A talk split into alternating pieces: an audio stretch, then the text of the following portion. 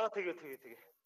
За сайн байцгаана уу. Өнөөдрийнхөө ээлжид Жо Токийг нисхийн гео мэдээллийн хэрэглээгээд ерөнхийд нь тавьсан байгаа. Тэгээд өнөөдөр бас Монгол улсад нислэг өнгөрүүлж байгаа бүх агарын хөлөөд зориулсан маршрутын зураг гэдэг байгаа. Энэ бол бүх өнгөрөлтийн нислэг үйлдэж байгаа одоо нислэгт бол маш чухал үүрэгтэй. За тэр дараа нь бол аэродромын бүс рүү ойртол ирэхээр аэродромын одоо ойртолд үлдэх аэродромоос нислэг хөөрөн гарах гэх журмуудтай холбоотой бас нислэгийн зургуудыг үйлддэг. А мөн одоо сүүлийн үед бол одоо ерөнхий зориултын нислэг гэдэг одоо бага уурын агарын хөлөг а нислэг зэрэг эднес зориулсан нөгөө ерөнхий зориултын нислэгийн зургийн хэрэгцээ шаардлага бол сүүлийн одоо баг 4 5 жилээс маш хэрчмтэй өсөж байна бас нөгөө нэг онцгой байдлын үеийн тусгай үргийн нислэг энэ төргээд бас нислэгүүд хамааралтай. Тэгээ яаралтай тусламжийн онцгойгийн цэргийн гэх мэт нислэгүүд бас хамааралтай юм гарч ирээд байна. Тэгээд бид нар ер нь бол яг одоогор бол олон улсын шаардлагын дагуу нислэгийн зураг үйлдчихээ саяхан одоо 2020 оны 10 сарын 31-ээс 1 саяны масштабтай яг Монгол улсын нутаг дэвшрэг бүрэн хамарсан шинэ зураг гаргасан. Энэ бол одоо дэлхийн нислэгийн зураг гэсэн нэртэй зураг аны сайн маштай. Одоо бид нар 21 оны сүүлээр бас эцэлэх гээд яг тэрнийхээ томруулсан 500 мянганы масштабтай нислэгийн зургийг бас яг ид боловсруулагдаад явж байгаа. Ийм байгаамаа ерөнхийдөө зургууд бол аа. За тэгээ одоо ер нь бол зураг маань мэдээж хавтгай дээр хийгдэж байгаа. Тэгэхээр энэ дээр хэрэглэгдэж байгаа гол үндсэн суур мэдээлэл нь ямар системийг хэрэгжилж байна одоо зураглалын хувьд одоо CAD төрлийн систем хэрэгжилж гин үү газар зүйн мэдээллийн системдээ сурулж ашиглаж байгаа програмууд хэрэгжилж гин гэдэг талаас нь танилцуулж өгөх үү. Аа одоо бид нэр бол яг а тухайн зургийн үндсэн одоо суур шаардлага нь бол байр болон өндрийн тогтолцоо нь ямар системд байх вэ? Тухайн зураг нь яг ямар зурагжин тусгах а зураг одоо зураглагдсан бууцагдсан байх вэ гэдэг дээр эхлээд шаардлагууд гараад ирж байгаа. Тэгэхээр олон улсын иргэний засгийн байгууллаас гаргадаг шаардлага нь бол эвтэй автгаахын тогтолцоонд бол WJS 84 олон улсын системийг ашиглана. А босоо автгааны тогтолцоонд бол далайн дундад төвшнийг ашиглана гэсэн заалттай. Тэгэхээр бид нэр яг энэ заалтынхаа хүрээнд бол зураг боловсруулж байгаа. Яг за боловсруулад ирэх яг яг боловсруулалтын нэг техникийн ажилбарууд нь ямар технологи ашиглаж байгааг гэхээр За түрүүний хэлээдсэн маршрутын зураг, нис буудлын хөрс буулттай холбоотой зурагнууд, ойртолтын зургууд бол одоо бол яг CAD систем дээр зурагтай явж байгаа. А бас түрүүн хэлсэн нөгөө шинээр гарч байгаа а дэлхийн нислэгийн зургийг бол бид нэр JSON системээр гаргасан. Яг ArcGIS дээр тулгуурлаад гаргасан. За бусад ер нь зургнууд бол ер нь бол зургнууд бол CAD JS гэсэн хоёр л яг боловсруулалтын тэр нэг технологиг ашиглаад явж байгаа. Одоогор бол бид нар тэгээ нөгөө CAD систем дээр ашиглаж байгаа AutoCAD гэсэн үг өөр бусад нөгөө MicroStation ч юм уу өөр CAD төрлийн системүүд ашиглаж гин гэсэн үг. А CAD систем дээр бол манайх MicroStation-ы нөгөө Bentley гэдэг тэрийг нэг автоматжуулалтын системээр буюу зураг тухайн одоо орон зайн өвөл мэдээлэлээс автоматар зурагдах тэр систем дээр нэг бол ашиглаж байгаа. А зарим зургууд дээр яг Autodesk-ийн AutoCAD Civil 3D-г ашиглаж байгаа. А ер нь юм байгаа тий. Хоёр явуул ашиглаж байгаа. Тэгэхээр бүх одоо зөвхөн энэ зурглууд маань одоо зөвхөн одоо буян тухай буян тухай нөө Чингис хаан нэртэй нөө одоо танах чинь хоёр нэлээд солиод байгаагаа шин нисэх гээд бас нэг нэршил яваад байгаа тий. Тэгээ бүгдэнд нь бусдад одоо асуух гэдэг зүйл маань юу гэвэл энэ саяын хэлсэн зураглууд байна. Бусад энэ нислэгийн одоо аймаг дээр ч юм уу бусад одоо хам богдын хэмжээнд хэрэгжилж байгаа хам бомбот нисэх бодолтой бүгд ижлэхэн хэрэглэгдэж байна уу? Ямар байгаа вэ? Аа за. Аа ямар ч эхлээд одоо байгаа нөгөө юу нисгүүд бол боён тухай гэдэг нэртэй нисгүүд. Боён тухайг хуучин нэрээ авсан. А шинэ нисгүүд бол Чингис хаан олон улсын нисгүүд гэдгээр шилжчихсэн нэр нь аль бишээр засгийн газрын тогтоолоор шийдсэн байна. За нислэгийн зургууд бол яг Монгол улсын агарын орон зайд хүчин төгөлдөр мөрдөгдөж байгаа бүх нислэгийн зургууд аа бол яг манай албанаас хүчин төгөлдөр болж гараад олон улсад зарлагддаг байгаа. Тэр энэ бүх зургуудыг бид хэд боловсруулахдаа яг түрүүний хэлсэн аль аймаг, аль нисэх буудлын вэ гэдгээс үл хамааран үндсэн ашиглаж байгаа технологи бол одоо CAD дээр бол MicroStation болон Autodesk-ийг тэгэл JS дээр бол ArcGIS-ийг ашиглаад яг ийм хэмжээнд явж байгаа. Нисэх буудлуудын а нисбуудлууд дээр яг нэг ялгаатай зүйлүүд нь тухайн нисэх буудлын аэродромын одоо яг онцлог хүчин чадал зурсны хүчин чадал онгоц хүлээж авах хүчин талаас хамаарат тухайн нисэх буудлуудыг яг босруулдаг зураг нь өөрөө дотор янз бүр байгаа. Олон улсын одоо шинэ нисэх буюу Чингис хааны олон улсын нисэх буудлын дээр бол аэродромын зурсны хүчин чадал бол нэлээд дээгүүр учраас тэрнтэй хамааралтай бүх зургнууд бол маш олон 20 хэдэн зураг бол төрлийн зураг боловсруулагддаг.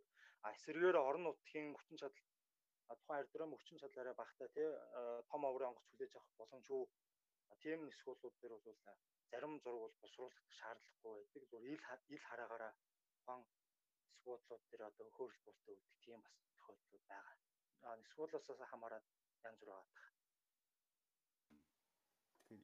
CAD дээр толгуурлаад энэ зураглалууд маань одоо зураглалын төвшөнд гаргаад өглөө. Одоо энэ олон мэдээлэл маань нэгдсэн бас ямар систем дээр явагдаж байгаа. Мэдээллийн сангийн хувьд өөр тусгай юун дээр байна уу бас мэдээллийн сан талаас нь бас тайлбарлаж өгвөл. Аа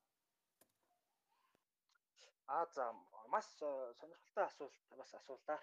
Тий одоо бид хэд яг уу одоо яг CAD системийнхаа хувьд одоо бид бол маш их ихэнх нь ер нь бол Autodesk-ийг бол ашиглаж байгаа шүү дээ. Civil 3D, Map 3D эсвэл яг зөвхөн Autodesk AutoCAD гэдэг ч юм уу. А яг тэр ашиглаж байгаа технологийн хүрээнд бол яг баазын түвшинд бол ажиллаагүй. Зүгээр яг тухайн зуралтын DVD нөгөө project файлн дээр л бүх юмаа засаад өөрчлөөд явдаг. А нөгөө CAD-ийнх нь нөгөө систем бол MicroStation бол тухайн манай Oracle-ийн баазаас өгөл мэдээлэл дуудаад тэндээсээ бол автоматар зураг үүсгээд явах тийм боломжтой систем байна. А манай нөгөө JIS систем нь болохоор шууд нөгөө бид нар бол яг энэ жилийн хүрээнд бол зорилт тавиад 21 оны эхний хагас жилдээ яг орон зай үйлдэл мэдээлэл нэгдсэн нэг одоо дундын мэдээллийн санд оруулаад тэндээсээ хэрэглэгчдэд хүргэдэг, тэндээсээ зураг гаргадаг, олон нийтэд цахимаар хэрэглүүлдэг, ашиглуулдаг болъё гэсэн зорилтын хүрээнд бол яг мэдээллийн сангийн хувьд бол яг а тим систем рүү шилжчихсэн байгаа. Яг энэ жилээс эхлээд ер нь энэ чиглэлүүдийг одоо ингээд зураглалын хэмжээнд өөрөө бол ингээд зураг зүүн талын хүн газар зүүн мэдээллийн системийн хүн гэсэн. Ер нь одоо энэ чиглэлээр одоо манай мэрэгчлэнгүүд танай салбарт ажиллаж байгаа мэрэгчлэнүүдийг ер нь хаа хаана бэлдэж авч сургаж явж байна. Тусгай чиглэлээр бас мэрэгчлэнгүүд бэлдсэн курсууд байгаа юу?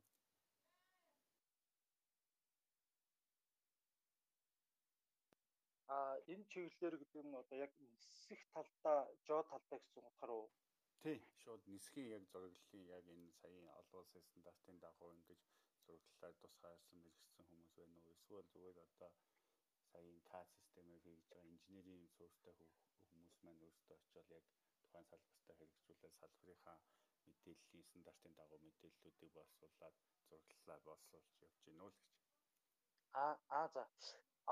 А манай яг одоо миний ажиллаж байгаа систем болохоор нисхийн мэдээллийн үйлчлэгийн албаныхаа нисхийн зургийн хэсэг гээд дотроо хоёр инженерийн төрөлтэй нэг нь эхнийх нь болохоор нисхийн нисхийн зураг зүйч инженер гээд а хоёр дахь нь болохоор газар зүйн мэдээллийн инженер гээд а нисхийн зураг зүйч инженер нь маань угаасаа нөгөө цаад олон улсын шаардлагын дагуу нисхийн зураг зүйч зураг зүйчийн тим нөгөө олон улсын сертификаттай буюу сургалтанд хамрагдсан гэсэн гэрчлэгийг авах хэрэгтэй байдаг тэрнийхээ хүрээнд бол манайх сүүлд 19 онд Египт рүү нэг инженерээ явуулж сургалтанд суулгасан. А тэрнээс өмнө 14, 15 оноод бол Сингапур энтерт бол Тайван, Тайланд руу бас явж исэн байлээ. Яг зарим мэрэгжлийн хувьд бол олон улсын сургалт семинарыг заавал авах шаардлагатай болсон. А заримыг нь болохоор манайх дотооддоо манай нөр мэрэгчсэн хүмүүс маань өөрсдөө бас дотроо хүмүүсээ бэлдэх тийм сургалтуудаа бас манай нисхийн сургалтын төвөөсөө цоон байгуулад явуулдаг байгаа.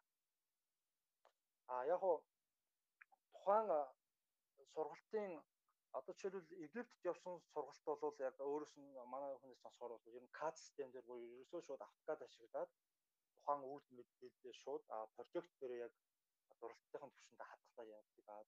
Ямар нэгэн мэдээллийн сан юм уу яг орон зай үйлдэл мэдээллийн тийм мэдээллийн сан дээр бол хандсан юм буудад ороогүй юм байлээ. Тэгэхээр файл дээр л ажилласан. Ер нь яг уу бусад ингээд а бусад улсуудын дэлхийн зураг зургийг одоо ингээд а бид нараас таньц бүрийн хэрэгтэй. Тэрнийх даа ингээ үзээд харахаар мөн давхар яг яаж хийж байгааг ингээд интернетээр юм харахаар ер нь бол яг дундын мэдээллийн сан одоо энэ орон зай үйлдвэрийн дундын мэдээллийн сан гэдэг рүү шууд ханддаг байгаад бол цөөхөн миний хувьд санагдсан. Яг нь Европын өндөр хөгжөлтэй орн Америк гэдэг бол тэр систем бол хэрэгжүүлсэн австрал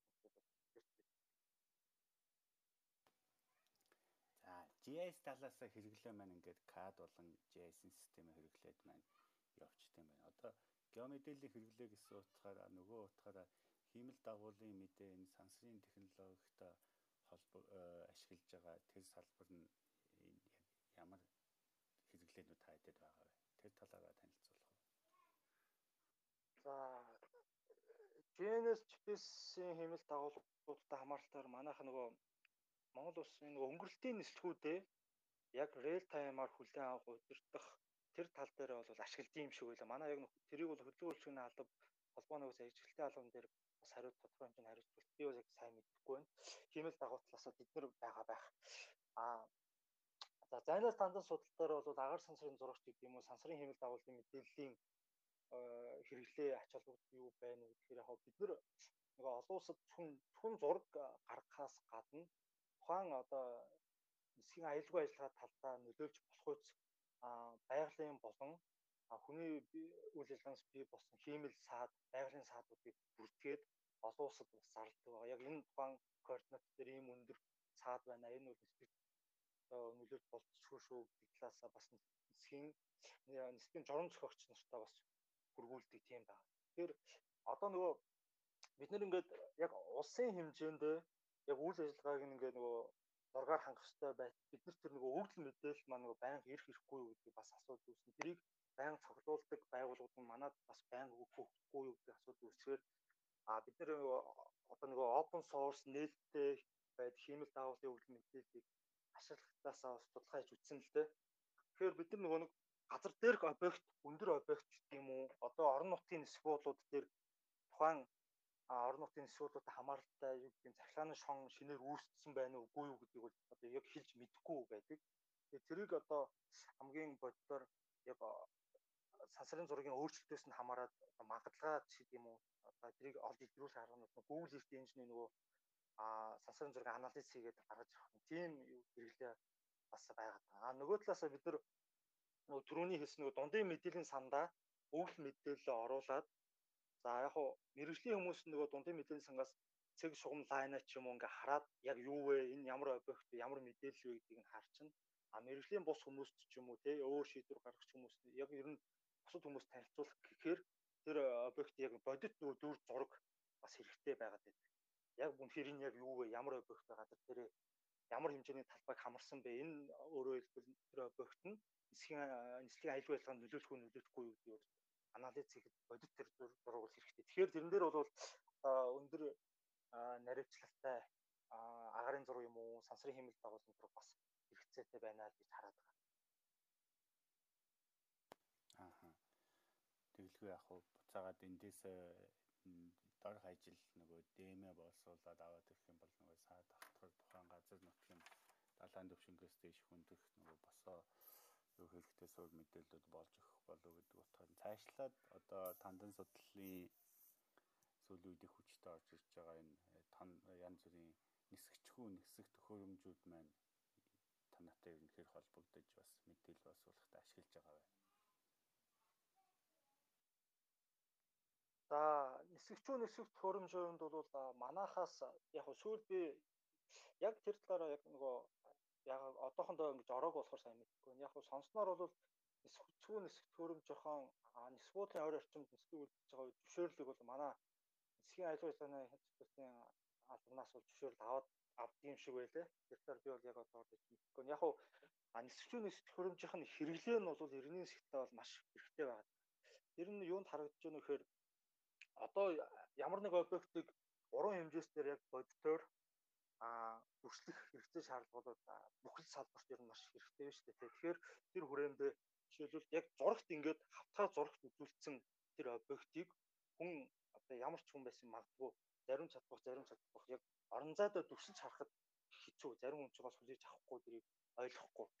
Аа тэгэхээр өндөр наривчтай энэ зураг гаргаад байгаа нисчүү нисэх төхөөрөмжийг ашиглаад бид нэр газрын гадаргынхаа одоо яг бодит одоо загварыг маш үнэн зөв ойролцоо ингээд өндөр наривчтай хэрэг авчих юм бол тэр нь өөрөө тоон өгд болоод явандаа тэр нь одоо ерөнхий зориултын онгоцны дижитал чарт буюу нисгчийн хардаг дижитал дэлгэцэн дээр очих юм а гэж ер нь харагдаад байгаа байхгүй. Гадны улсууд бол одоо тэр газрын гадаргаа бол DTM, DSM-ээр ингээд сонголттойгоор бүх объектууд оруулаад ингээд зураглаад онгоцондоо оруулчихж байгаа.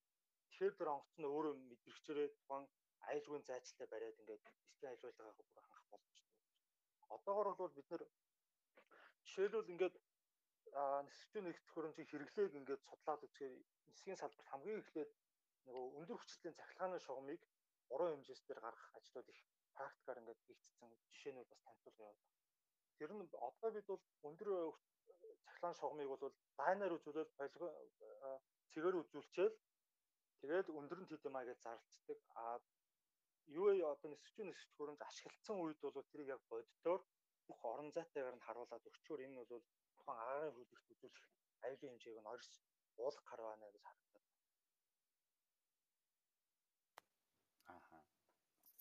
За тэгээд ер нь сая нөгөө нисгчгүй төхөөрөмжтэй холбоотойгоор энэ бага оврын нисдэг төрөг одоо нисгчгүй төхөөрөмж маань маш олон хол зайд байгаас хамаарат маш олон бас үйлдэлтэй гарч ирээд байна л да. Тэгэхээр энэ маань бас энэ танаа дөрвөн журмын энэ зураглалын хувьд бас шаардлагыг бас биелүүлэх мэдээллийг бас гаргаж өгч чадах болов гэж бас утгаар нь асуусан байгаа.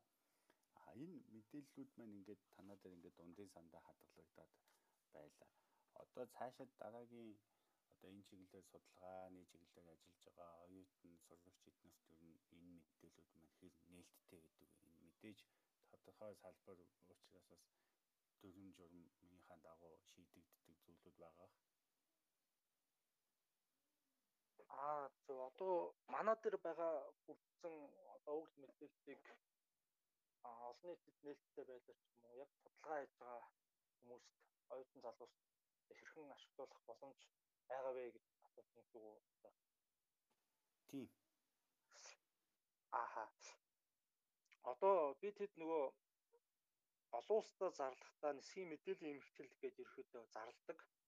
А тэр нь бол цахимаар вебсайтэнд байрлаад тодорхой хугацааны интервалтай шинжилгээтэй явуулдаг. За тэн дээр байгаа тоон өгдөлт зарлагдсан байгаа тоон өгдөлт мэдээллийг яг тоон хэлбэрээр авахд ингэн а тоон бусаар одоо сервис веб сервисээр авбал яг ингэнэ гэсэн одоохондоо бол яг зохицуулт байхгүй байна. Гэхдээ яг бид нар бол нэгэнт олон улстай зарлалтын зүйл мэдээллийг бол дотооддоо судлаач ойлгоход явах баха. Тэр асуудал гайгүй тэр асуудал бол нэг гайгүй бах гэлт гэж би бодож байна. Яг энэ дээр манай дээр яг бэлэн нөгөө зохицуул бодлогоор байхгүй байна. Яг оо ер нь бол а аэродромын өгдөл агарын зурагдлын өгдлийг өгдлийг тоон хэлбэрээр аавна гэвэл манайх бол хамгийн түрүүнд тодорхой нэг эрхтэйгээр яг сервис байдлаар хөтлөөл гэж бодож байна. Аха.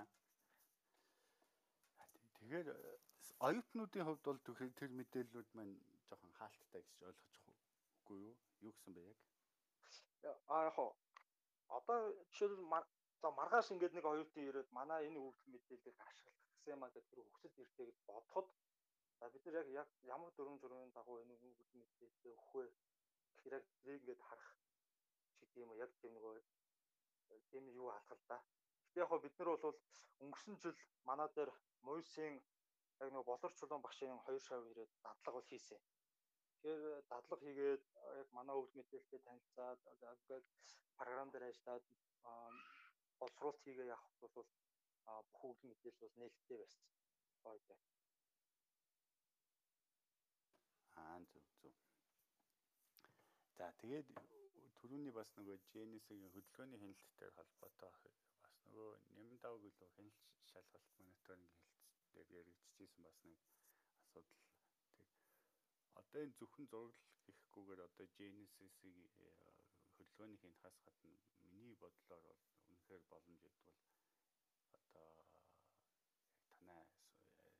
дромуудын одоо юун дээр бас холбоод нэг мониторингийн малти генесийг тавиад тавьчих юм бол нэг талаасаа нисгийнхаа үйл ажиллагаанд хэрэгтэй нөгөө талаасаа буцаагаад нөгөө энэ Монгол улсын хэмжижгсэн энэ яг энэ геомэдэлийн генесийн датаг бас бүрдүүлэх боломжийг бүрдүүлэх болов гэсэн ийм нэг жоохон хувийн бодол үйдэг. Тэр тал дээр юу гэж бодож чинь чи? За энэ дээр би бас яг хувийнхаа бодлыг хэлэх юм байна учраас. Ер нь яг ми бас бодсон нөгөө а иргэний засгийн салбар нь өөрөө яг нөгөө бүх аймаг орон нутагт эсвэлүүд байна. А дид бүтэц яг нэг суур одоо шаардлагууд гэх юм уу тухайн генесийн юуд байрлуулвал дид бүтцийн хувьд бүрэн шаардлага хангахгүйгүй гэдэг тал дээр бол хангахаар юм байна гэж би бол хувьдаа боддог. Цагтаа наандал 24 цагийн 7 өдрийн 24 цагийн ажиллагаач гэдэг юм уу байнгын а тэгвэл нээлттэй ашиглах боломжтой байх гэдэг юм уу тэр тал дээр бол иргэний засгийн одоо байгаа дид бол хангалттай одоо суур гол том суур нь болж өгч чадах юм байна гэж би бол хувьдаа бол боддог. Яг уу одоо бид яг энэ дид бүтцийг ашиглаад яг GNS GPS-ийнхаа сүлжээг ингээд бүр сайхан дэлгэрүүлээд станц станцаа байрлуулах байрлуулад тий нэгэн том сүлжээнд ороод ингээд явах бол уул нь яг ингээд хийчихвэл болмоор ч юм шиг санагдав. Гэхдээ энэ нөгөө яг манай байгууллага нь өөрсдөө яг давхар нөгөө байрлалын системийн шүү хариуцдаггүй учраас болохгүй юм шиг бас нэг тасаа болцоод байгаа. Хариуцдаг байгууллага нөгөө газрын харилцааны байгууллага байдаг энэ нөгөө давхцсан нэг юм болд юм болоо гэж би бүр хувьдаа бол бодож үзсэн тий. Яг үнэ.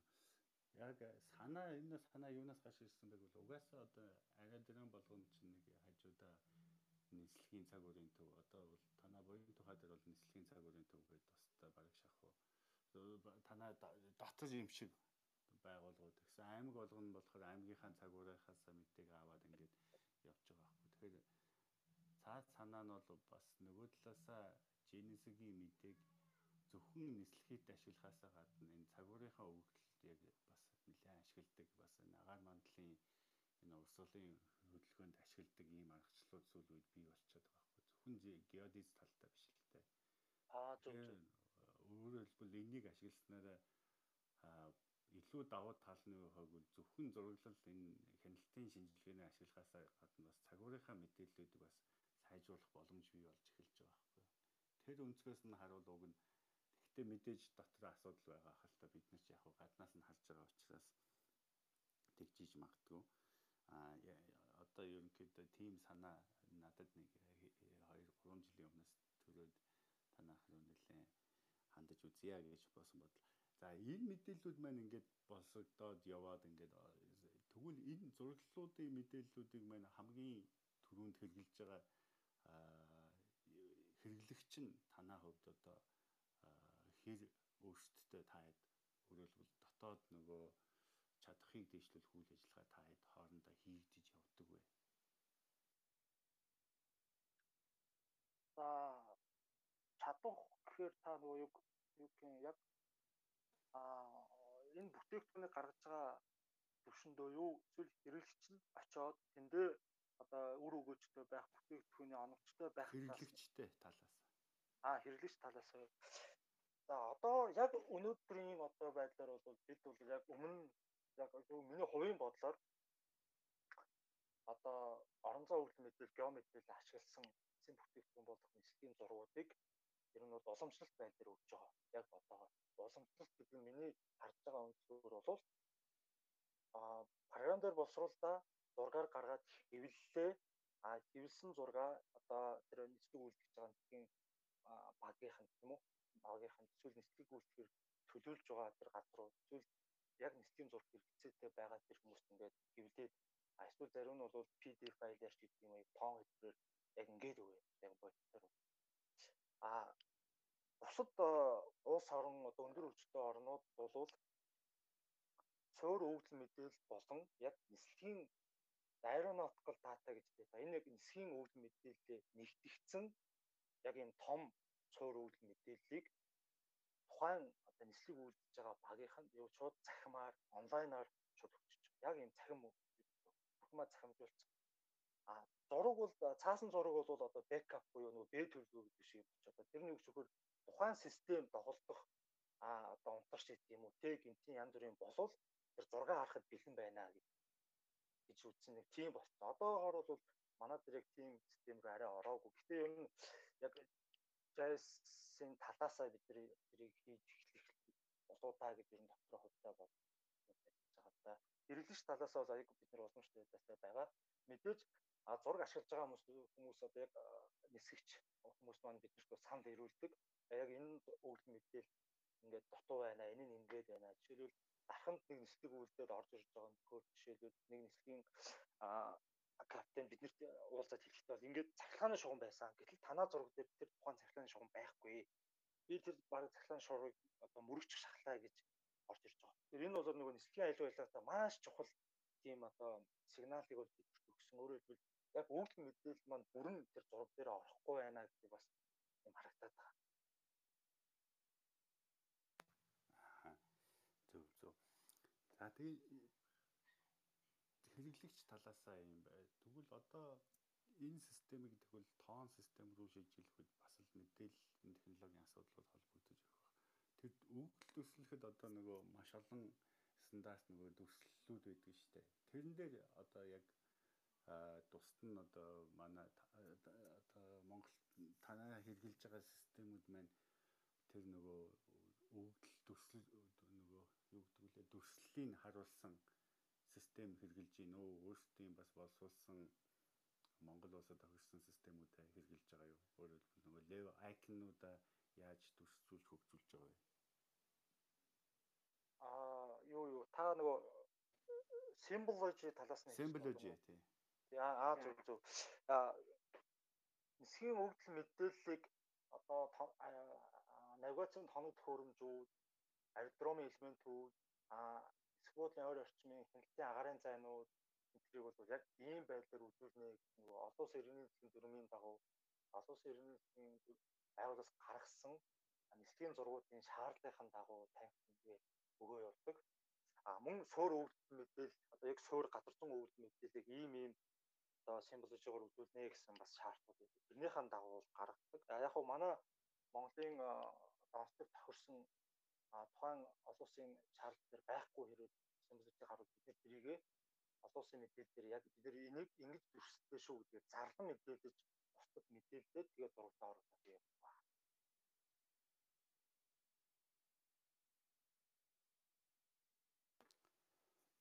Байна уу?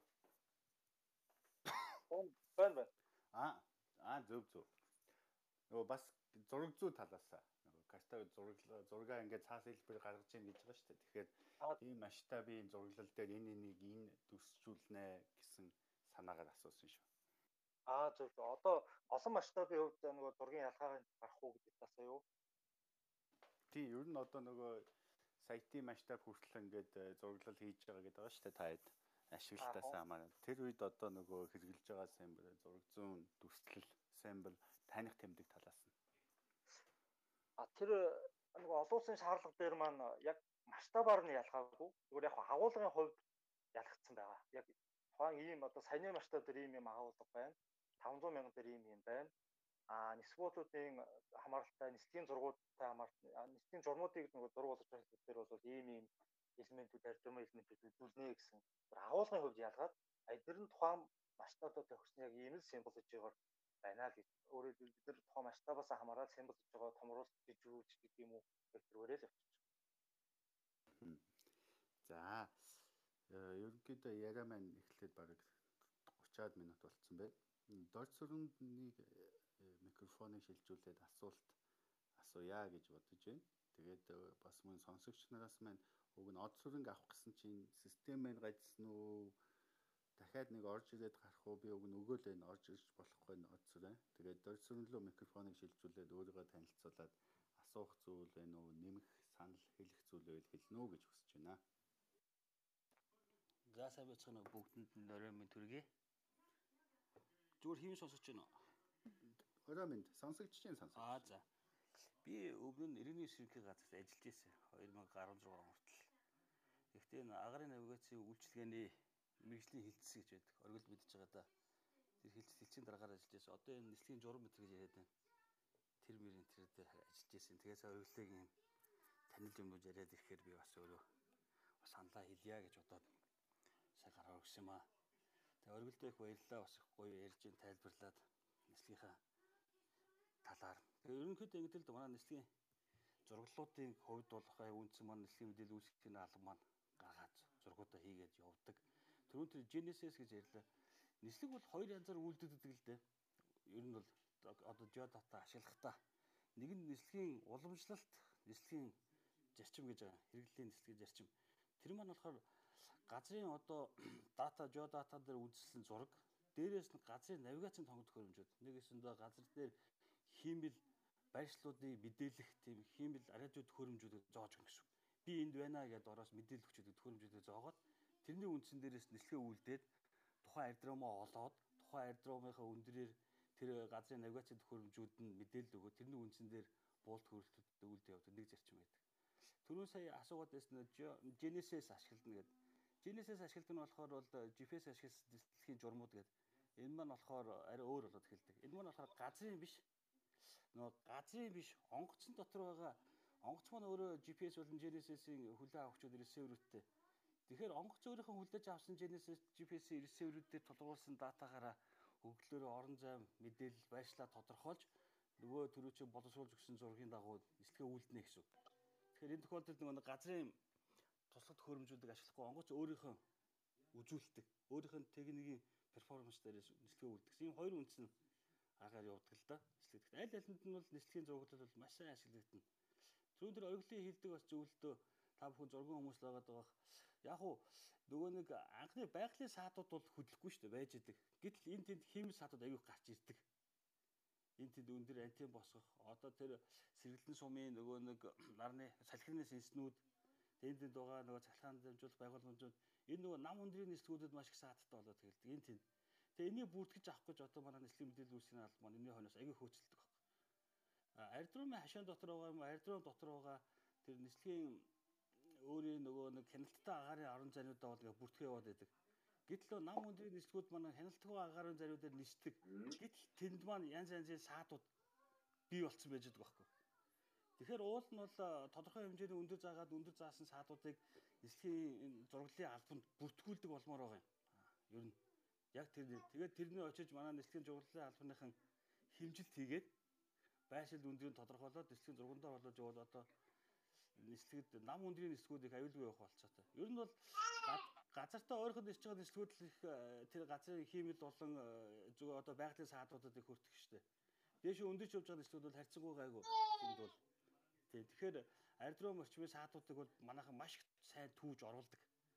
А тэгэхдээ аэрдрумаас гараад эндээс гараад баян үлгэр явж байгаа нам үндрийн нислэгэн дээр зохиомын саадууд юм уу байгалийн саадуудыг бас бүрэн оруулж чадахгүй бол бас тэр маань нислэг нөлөөлөх тэр юмуд байдаг л да. Зүгээр түрүү ориглынхаа ярьж байсан дээр тэр нөө журам энэ талаас нь зүгээр нэмж ярьж байгаа шүү. Тэрнээс биш өөр юм байхгүй ориглоо. Тэ амжилт хүсье. За. За маш баярлалаа. Баярлалаа. Маш нэмэлт мэдээлэлүүд өгч харин тийм. За ууг нь бол гараа өргөснөр бол одсон байгаа шүү. Мэндэ бэлгүү маань төр хүлээж байгаараа тэгээд одсонд микрофоныг шилжүүлээд бас санал нэмэлцүүлээ нөө гэж хүсэж байна. Оо та хэд яаж чадахгүй дээ бас геода геодататай холбоотой мэдээллийг бас анхан сонирхож байгаа хүмүүсийн дүнд сонирхож байгаамаа. За. Аа за баярлалаа. Мэндэ микрофоныг шилжүүлээ. За сайн байна уу. Юу схийн байрын мэд хүүгээд орж байгаа сайн байна уу.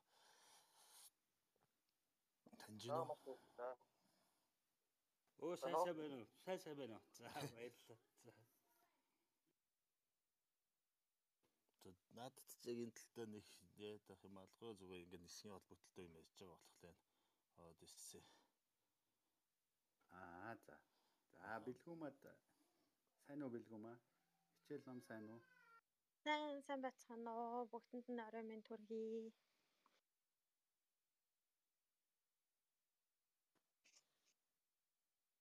Аа сүлжээ унаад ах шиг байна. Сонсогдож байгаа болов? Сонсогдож чинь сонсогдож. Гэхдээ бас клуб хаус маань их гацдаг болоод байгаа бас сүлээ. Ааха. Зөв зөв сая би бас хоцроод ороод ирлээ. Тэгээд аа хоёрын яриаг сүулт нь нөхөд сонсгоос тэгээ ямар ч байсан очроохыг спикерээр оруулаад ирэхээр минд мэдээ гэд ороод ирлээ. Мөн өө за баярлалаа. Би ч нөгөө яриагаа хийгээл хүмүүсийг бас дахиад нөгөө урдгаараа ураал одоо яг эхний ярий гэж бодсон бэлдсэн зүйл маань ерөнхийдөө явцсан. Одоо тэгээ сүүлийн нөгөө э, хэсэг 45 минуттай микрофонуудыг нээгээд сонсогчнараасаа бас чөлөөтэй спикер зочноор зочнтойгоо асуух асуулт нэмэлт санах зөвлөмж байвал өгөөч ээ гэдээ ураад эхэлж байгаа юм. Баярлалаа бэлгүм аа. За микрофон баярлалаа. Сонсож байгаа тэгээд дундуур нь хэрвээ асуулт гарч ирвэл асууя. За. Микрофоныг хангаах уу өвгөн хүү рүү бас өгье. Тэгээд та өөрийгөө танилцуулаад бас санал зөвлөмж асуулт байвал тавина уу.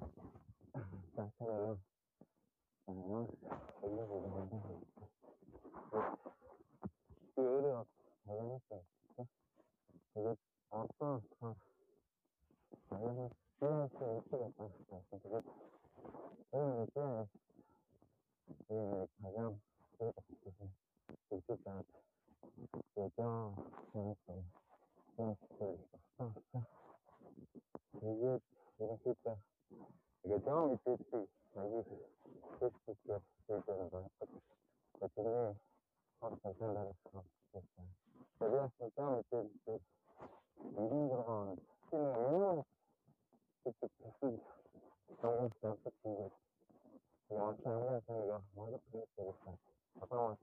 өөрөө хаягдсан. Тэгээд одоо хаягдсан тийм үсэг байна.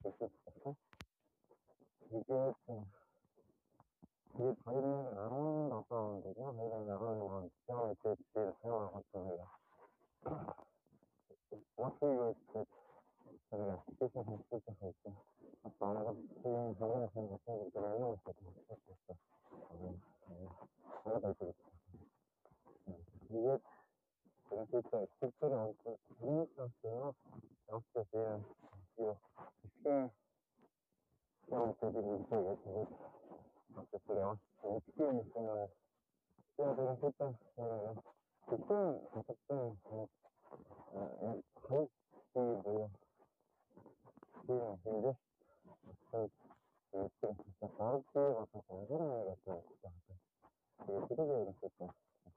아, 진짜 엄청 오랫동안 모르겠습니다. 어쨌든 저희 팀에서 잠깐 축하해주셨습니다. 정리해서 그래서 이거 오늘 다 들리죠? 아까는 계속 유튜브에서 내가 생각했었는데 아무튼 마르티 아저씨들이 그래서 나중에 이렇게 내가 배웠을 너무 음, 그런 주변 노이노 안 가들 노 Ano? Ano? Сонсоо? Харин та яран сонсогдохгүй ах юм. Та хэдэд тэгж байгаа юм болов уу? Надад ганцхан ингэж байгаа юм болов уу? Харин сайн сонсох хөрөмжөө яахгүй бол Микрофоно жоохон засахгүй бол хүн болгонд л байгаа юм. Би би бас яг тэгэж удаа сууж илаа. Жоохон шүлжээ унаад нөгөө лав хавас маань гацаад байгаа учраас одоо зүгээр байна хангаа. Аа тийм үү төрнөөс хэлдэг би айгүй их юм ярьсан шүү. Харин тийм ээ. Би тэгээд минийх юм болов гэж удажсэн чинь. Энэ клуб хаус нэг болохоор орж гараад ах юм. Яагаад гэж. Харин тийм орд энэ интернет Аа за уучлаарай. хамаагаад байна уу гэж би бодсон шүү. Бас микрофоноо бас яагаад ах шиг үлээ нөгөө утаснууд нөгөө янз бүрийн нөгөө жих утастай болон утасгүй микрофон хэрэглэчихээр жихэж хэрэглэчихээр тэрнээс хамаарат бас дуунууд нь бас орж цаана орж гараад байх шиг. Тийм хоёр шалтгаанаас л энэ дуу жоохон загалтай юм. Загцсан сонсогдоод байсан байхгүй. Сонсно. Ерөнхийдөө нисхийн гео мэдээлэл гэж би бол нэг үг барьж авсан шүү. Одоо дахиад Өө уучлаарай. За за. Аа за за. Гэ би гадар явж байгаа. Тэгээд яг хаа сая бүр яаш уучлаарай. Жохон цаг алчлаа. За намаа би намайг хангаах хөө гэдэг. Тэгээд би өөрөө програм ангамжийн мэрэгчлээ. Софтвер инженер хүн байна. Тэгээд 2015 онд Монголд ирчээд GIS-ийн мэдлэг ерөөсөй байхгүй байжгаад өөрөө анханаас нь сураад тэгээ нэг веб аппликейшн Minomap-ыг хийжсэн софтвер хөгжүүлэгч байгаа. Аа тэгээд аа тэр үедээ л би ер нь их GIS их дуртай болсон. Geometry, Geoscience айгүй их дуртай болсон. Бүр айгүй тийм сонирхолтой байсан. Тэгээд түрүүний 7 хоногт очир хоёуг ахын тэр юг дагжгаад аа нөгөө клуб хаус дээр дагжгаад тэгээд энэ өнөөдрийн энэ эслэгийн мэдээллийг ерөнхийдөө сонирхоод үзсэн. Тэгээд миний мэдхгүй юм бол амар их хэдэм байна. Би яг нөгөө хоёр газар зүйн зураг буюу онлайн веб аппликейшн WebGIS-ийн мэдлэгтэй болохоос яг өндөө бол цаана бас тэр агарын юуг сайн мэдэхгүй сонь санагдлаа. Тэгээд яг хаа асуух юм бол надад одоохондоо байхгүй байна. Миний хувьд бол жоохон хэцүү мэн. Гэхдээ би өөрөө нэг сонирхож байгаа юм нь болохоор нөгөө 3D веб аппликейшн буюу WebGIS буюу одоо жишээлбэл Google Map ч юм уу эсвэл Bing дээр ингээ орохлоор аа 3D зургнууд харуулдаг шүү дээ тий. Одоо яг zoom level 22 дээр ч юм уу хэд дээр ч 10 21 дээр ч юм уу тий. Тэгээд тэр 3G 3D рендеринг гэдэг юм их сонирхож байгаа. Тэгээд болж өгвөл одоо нэг open map open street map-ийн датан дээр ерөнхийдөө WebGIS WebGIS болоо Web JavaScript ашиглаад 3D JavaScript-ийг ашиглаад нэг тиймэрхүү юм хийж үзэж байгаа. Тэгээ бас мэдгүй юмуд их байгаад байгаа болохоор бас агарын юм бас хэрэг бас агарын тийм хэмжил зүй бас хэрэг болох ёстой байд юм болов датанд байд юм болов гэж ойлгохгүй яваад байгаа байхгүй. Тэгээл харин За товчхон бол юм байна. Тэгээ очиргыг нөгөө iMap-ыг их бас яаж байгаа харж байгаа. Айгу дата ихтэй мэл айгу мундаг дататай. Яг нөгөө Minimap гэж сонсч ирсэн үү би сайн мэдэхгүй л байна л та манайхан. Урд нь ер нь сонсч ирсэн үү? Өө сонсч ирсэн сонсч ирсэн. Маш Аа за за. Тий. Маш гоё. Minimap-ийг би хийжсэн тэгээд харин тий би бол ерөнхийдөө юу ч мэдэхгүй байж байгаад за захирал нь манай захирал шууд чи наадхаа хий гэ.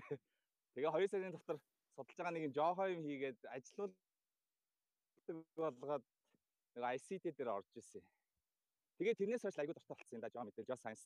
Тэгээд ерөнхийдөө айгүй судалгаа хийдэг ArcGIS судалдаг Arc map одоо тэр Arc юуны S3-гийн SDK байгаа шүү дээ тий.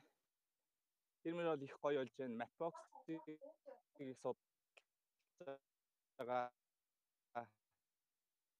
би бас delivery тэр нөгөө real time а routing ч юм уу тиймэрхүү юмыг аягүй сонирхож байгаа. Тэгээ яг яг аппликейшн хөгжүүлэх тал дээр программын тал дээр бол би их нэлээд судалдаг, програмаас бичдэг. Тэгээд одоохондоо бол би нөгөө сонго гэд мэдхөө сонгын аппликейшн. Аа.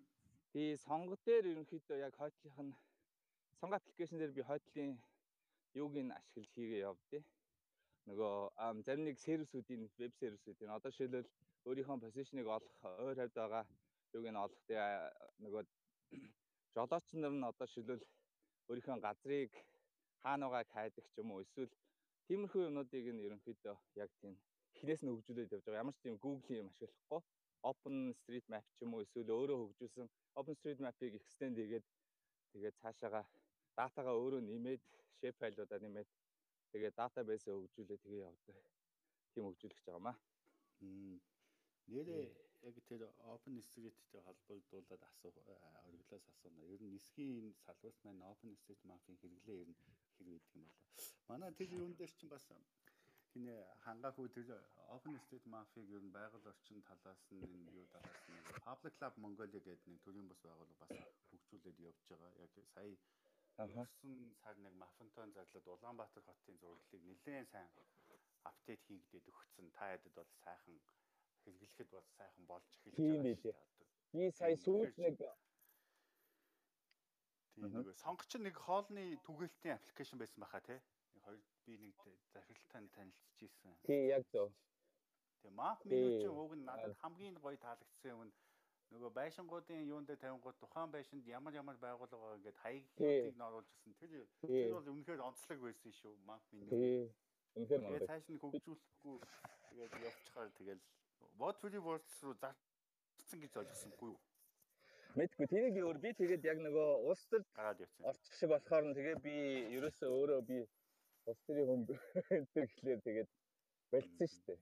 Уул нь бол цааш нь аваад явсан бол би бол амар сонирхолтой байсан. Тэгээд яг нэг UB cap болохоор А миний нэг хөгжүүлээд судалгаа хийгээд ингээд хөгжүүлсэн нөгөө рутинг дээр нь нэлээд асуугаад ах шиг байгаа. Датагийн нөгөө нэг шинжилж болдог.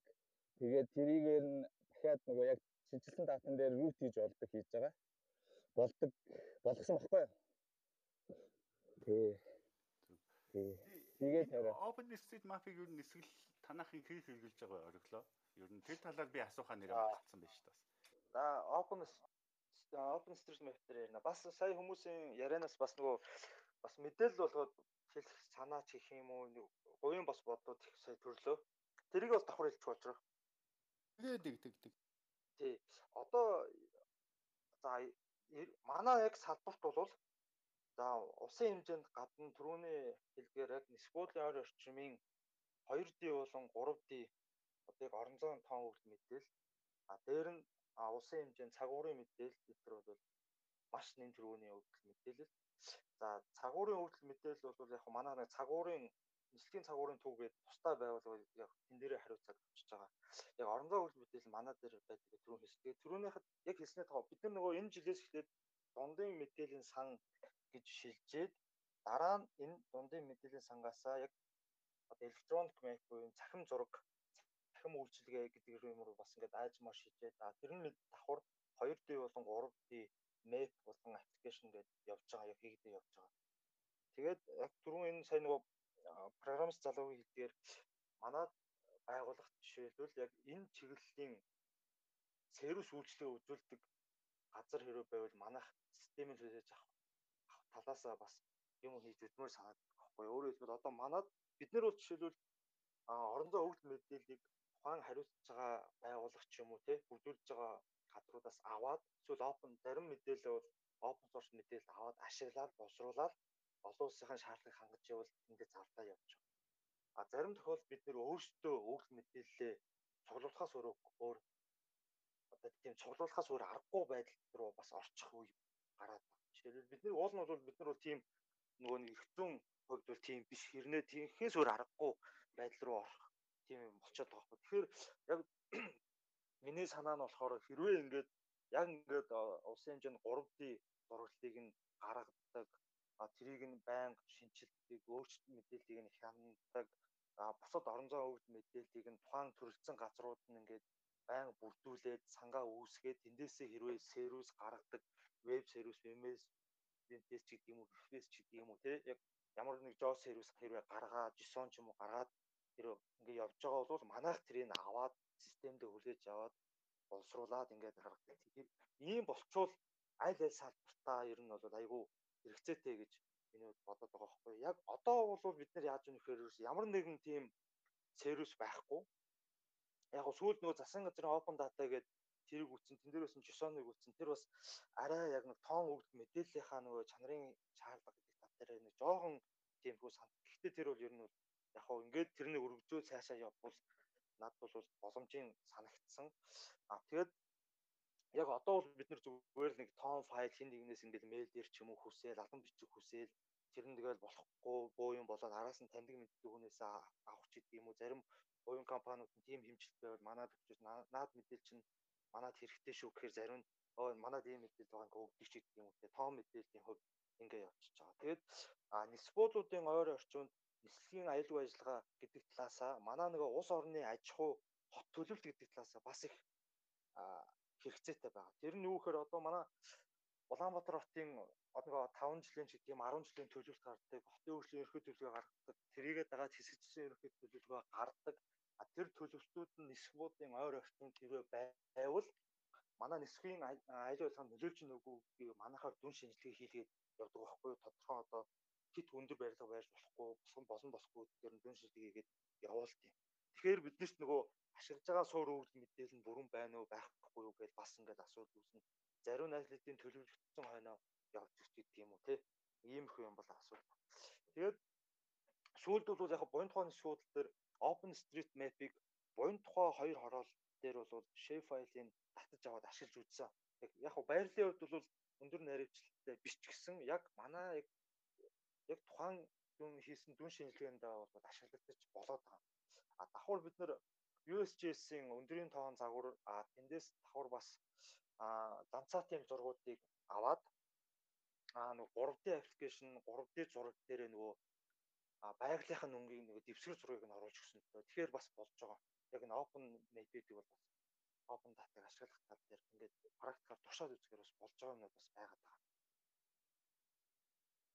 Аа тэгвэл бас их ганц юу гэлтгүү бас танаар юунд ч гэсэн хэрэглээд бас овоо гоё үр дүнтэй болж эхэлж байгаа юм байна. За тэгээд өөр нэмэлт асуулт санал байна уу сонсогч нараас маань гараа өргөд орж ирж болно. Тэгээ энэ бас хангаагүйгийн яриан дээр үндэслээд хэлэхэд энэ ямар учиртай өөрөө бид нэр өвөө зохион байгуулалт гэхээр Монголын геомэдэлийн холбоо гэдэг төрийн бас байгууллага 14 оноос хойш үйл ажиллагаа явуулаад тэгээ сүүлийн энэ ковидоос шалтгаалаад биднээс сар болгон хийгддэг үйл ажиллагаа маань баг зэрэг энэ онлайн платформуд руу шилжээд ялангуяа Zoom ч юм уу Teams ашиглаж энэ вебинаруудаа хийж байгаа. Сүүлийн үед энэ хаус дээр юм геомэдэл гэдэг энэ клубыг үүсгээд тэгээд 7 хоног бол өнөө 3 дахь өдөр болгон энэ нэг геомэдэлийг хэрэгжилж байгаа болон энэ геомэдэлийг ашиглаж болох салбар хүмүүс судлаачдыг урьж оролцуулж яриа хийж байгаа. Тэгээ энэ маань 9 дэх дугаар маань ингээд 6 сарын 2-нд геологийн үндэсний геологийн албан дээр хэрэгжилж байгаа геомэдэлийн хэрэглээний тухай ярилцаад 100 манай ер нь энэ салбарын хүмүүс маань судалгаа, шинжилгээ бас амралт ингээд явцдаг учраас нэг хэсэг завсарлаад намраас дахиж хөргөжлүүлэе гэсэн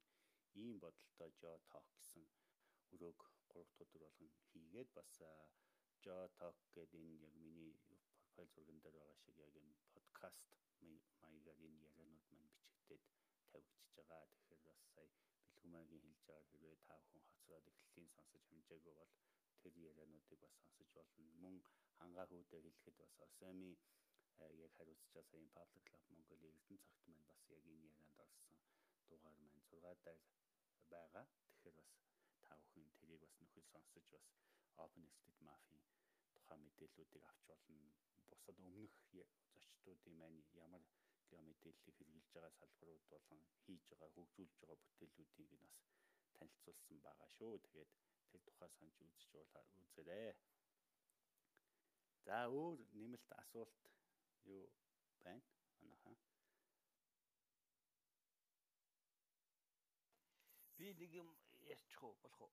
Тэг тэг тэг. Одоо микрофон бол нээлттэй юм чинь нөгөө ярих зорилттой учраас баярлалаа харин. За баярлалаа. Дээр бол очрог бас нэг урьж яхад нь чадаагүй нөө GPS-ийн хэрэглээний талаар ярих гэж байхад нь. Аа тийм. Тий. Миний нэг үндсэн яг өөрийн би сансрын технологи, сансрын холбооны технологийн инженер л дээ. Тэгээд тэр чиглэлээрээс нисгт ажиллаж байсан юм. Тэгээ Монгосны сансрын навигаци чиглэлүүдээр анх ажиллаж ирсэн 90 нисгт 97 оноос хойш. Тэгээд энэ нөгөө GPS-ийн нислэг үлдэх энэ агарын зам мамууд энэ төргээд энэ чиглэл дээр бас агарын зам гэдэг чи одоо агаарт 3D агарын зам л үсгээд байгаа шүү дээ. Нүдэнд харагдахгүй болохоос ш тент чи одоо агарын зам агарын хаалга гэж бид нар тавиал нислэг өнгөрөөж явдаг. Тэгэхээр GPS-ийн талаар бол яг дараа бас яриул би бас зөвхөн технологийн чиглэлээр ярьж орж болох юм. Geodata гэдгээс илүү ажилтгаж зарчим алдаа гарах магадлал ямар цагуурын байдал хэдийн градус алдаа гарч болох уу гэдэг тий. Тэгээд одоо нөө дэлхийд чинь 4 5 төрлийн GPS GPS-тэй төстэй системүүд байна л да. Галанас, Галаба, юуны Орс тэгээ Галилей, Бедо гэдэг хятадын тэгээ энтхийн Игнос гэдээ бас хэрэгжиж байгаа Японы өөрийнх нь энэ гэдэг янз янзын тийм одоо байрзууд ашиглаж болох мэдээллийн системүүд мөн эн чинь байрзууд ашиглахаас гадна холбоо мэдээллийн технологийн системийн синхроншлалд маш өндөр үүрэг гүйцэтгэдэг синхроншил татчихдаг. Энэ бидний утас энэ технологи чи бүгд нэг синхрон, нэг тайм цагтаа явах учраас тэрийг хангаж өгч байгаа систем маань бас Genesis болчиход байгаа. Тэгээ хангах хүүгээс би зүгээр нэг юм ярих гэсэн зүгээр би одоо өөрөө хувийн бизнес ихтэй явдаг. Нэг GPS tracking үйлчлэгээ хийдэг байхгүй манайх. Одоо нэг 2010 гараад тэрнээс хойш янз янзаар хөвлөж явж байна. Бид нар бас нөгөө нэг тэр төрлийн сонгоо яриад байгаа шиг чинь бас team системүүд өөртөө бас хөгжүүлж үзсэн. Тэгээ одоо сүүлд нь яг GPS tracking fleet management system гэхээр автомашины яг барь зүүн мэдээллийг автомашины өөрийн хөдөлгүүрийн дата мэдээллүүдтэй нь цуглуулад хэрэглэгчдэд өгдөг. Тэр л мэдээлэл юмуд хийдэг. Тэгээ бид нар одоо зураг ашиглаж байгаа дээр юу ашиглаад байгаа юм л да? Нөгөө Open Street Map ашиглаж байна. Бас янз янзаа хөгжүүлэх гэж үзэж байна. Дээрээс нь яг бүр болохгүй болохоор хэрэглэгчдэр бол биднээс юу нэгтгэх вэхээр шууд Google Map нэгтгэх байхгүй. Танаа Google Map л гарах шүү дээ. Сураг зураг Google Map-аар л өгдөг. Тэгээ бид нар Google Map-аас API key аваад бас үнэтэй шүү дээ тэр чинь. Тэгээ ашигладаг. Ер нь тэгээд тэгэж бас тэр маань бас сайн шийдлэгдэж чаддгүй нөгөөдөг маань бас л жоохон хоцрогдоол ингээл байдаг. Байр зүүн зарим алдаанууд гарсан эсвэл шин зам гараа явцсан ч байх шиг объект гарцсан ч байх шиг тий тийм мэд гараад идэв. Тэгэхээр чамтай үе дараа нь зүгээр холбоод хоёрын журмаар бас уулзаад хоёлоо бас энэ тал дээр зөвлөж ярьж болох юм байна гэж би өөрөө бас тэр манайд ч бас програмчлаад програм хангамжууд байгаа чиглэлээр ажилтгийн. Тэгээд энэ чиглэлээр бас хамтарч ажиллах болох юм байна гэдээ энэ далиунд бас анхаагүй тийм нэг саналаас бас санал тавьж байгаамаа. Аха болно болно. Би ерөнхийдөө бүх орно. Би өөрөө нөгөө нэг Японы компанид ажилладаг байхгүй. Японы нөгөө remote outsource маягаар одоо юу гэдэг яг Монгол дахь Японы төрөлөгч гэдэг үднэс хөгжүүлэгчээр нь ажилладаг. Гэтэ би хажуугаар нөгөө сонгийн хамгийн анхны тэр нөгөө driver application тэгээд GS-тэй холбоотой тэгээ routing-тэй холбоотой тэр бүгдийг хийж ирсэн болохоор тэгээ одоо ингээ хагас цагаар ингээ туслаа явдаг. Яг уу ямар ч салиу өсгөөч гэсэн нөгөө нэг дата мата бүх юм би өөрөө харьцаа явдаг байхгүй. Тэгээд хойо осом дат нь осмууд ингээд осом жишээлбэл дата ингээ нэмэгдээ орохоор би харж агаад за за энэ дата хэрэгтэй мэн энэ дата хэрэггүй мэн гэдэг тэгээд тийм юу нэг workflow үүсгэсэн. Одоо юу гэдэг осмос шин дата апдейт үүсгэх юм бол манай дата руу яг хэрэгтэй датаг нь апдейт хийцдэг ч юм уу. Тиймэрхүү юм бол хийцэн байгаа. Тэгээ надтай бол ингээ яг осмын дата яаж яах вэ гэдгийг яаж аа тэгээ дээрэс нь би түрүү жил нэг юу хөгжүүлсэн. Нөгөө яг Google-ийн map шиг мөртлөө Google ч одоо ингээд яг харахлаа нэг айгүй гоё тийм smoothly яадаг нэг vector tile буюу нөгөө Mapbox-ийн MVP, MBF гэдэг нэг PBF нэг буюу proto buffer-аар дата дамжуулдаг. Тэр нь болохоор нөгөө урдынхаа юун дээрээ хурж ирэхээр амар гоё тийгэж нөгөө smooth харагдах байхгүй нөгөө зурагнууд биш. Яг нөгөө цэвэр binary data хурж ирээ тэрийг нь нөгөө Google яг Google болоод Android дээр шууд нөгөө Google дээр харж байгаа юм Google Map шиг харж болдог тийм тохиор нь юу бол бай хөгжүүлсэн байгаа сервер. Тэр нь болохоор нөгөө tile server гэсэн үг л дээ. Тэрийг бол хөгжүүлээд э, явж байгаа. Тэгээ тэр нь болохоор шууд нөгөө манай үндсэн сонгын үндсэн database-тэй холбогдоод тэгээ тэндээсээ нөгөө бүх сервисээ нөгөө тайлуудаа кэшилж аваад тэгээд хурдан AWS дээр S3 дээр бүгдийг деплой хийгдээд тэгээ маш хурдан сервисээ өгдөг тийм болгоцсон байгаа. Тэр нь болохоор одоо шил Google дээр ингээ орохоор айгүй гоё тийм нэг юм зураг биш. Одоо IMF дээр бол айгүй гоё байгаа юм л да. IMF дээр тэр сервис нь маш хурдан байсан. Аа гэхдээ тэр бол миний бодлоор WMS WMS. Аа тэр нь одоо нөгөө юу гэдэг зурагч юм уу тиймэрхүү байдлаар байдаг. А тэгмэд би болохоор одоо яг цэгийг яа хөгжүүлсэн гэхлээр vector tile map маань өөрөө нэг Google Map шиг харагддаг болохоор цаанаа нөгөө хүмүүс маань одоо юу гэдэг нэг хэрэглэгч маань энэ Google Map байна гэж бодохоор тэгж хөгжүүлсэн байгаа vector tile гэсэн. Тэгэхээр тэр тал дээр бол би хамт ярилцаж болно. Тийм бол Google Map бид нар төлж явахаар бид нар Google-ийн одоо жишээлбэл routing engine, routing matrix гэж байгаа шүү дээ. Тэр бол бас үнэтэй шүү дээ. Одоо жишээлбэл би нэг газраас нөгөө газар хахад тийм тэгэхээр би өөрөө root дээр яг осмын датаг ашиглаад үнгүү тийм юм уу хийж юун дээр өгж байгаа. Тэгээд яг хуу нэг асуудал нь би өөрөө айгүй их датагаа яа тий. Янзлдээ яагаад тэгэхээр нөгөө сонго дээр тийм гаргаж өгөх хүн байхгүй болохоор би өөрөө датаг анзлаа. За энэ өнөөдөр энэ орцсон байна эсвэл осмоос апдейт хийгээд эсвэл би өөрөө жоохон ингээд зурж агаад нөгөө QGIS дээр ч юм уу юу дэс ArcGIS дээр ч юм уу зурж агаад тэгээ шууд ингээд явчихдаг байхгүй. Тэгээд яг хуу миний цагаас их юу гардаг ч гэсэн би хэрвээ үнэхээр тэр нөө хаа хэрэгтэй их юм бол би яг тэр тал дээр нь бол бэлэн сервисүүд гаргаж өгч болно. Сонготой ярьж байгаа ч юм эсвэл өөрөө хуваараа ярьж байгаа тэгээд гаргаж өгч болно. Тиймэрхүү тал дээр бол хэрвээ асуувал яаж өгжүүлэх тал дээр гэх юм бол аа гаргаж өгч болно.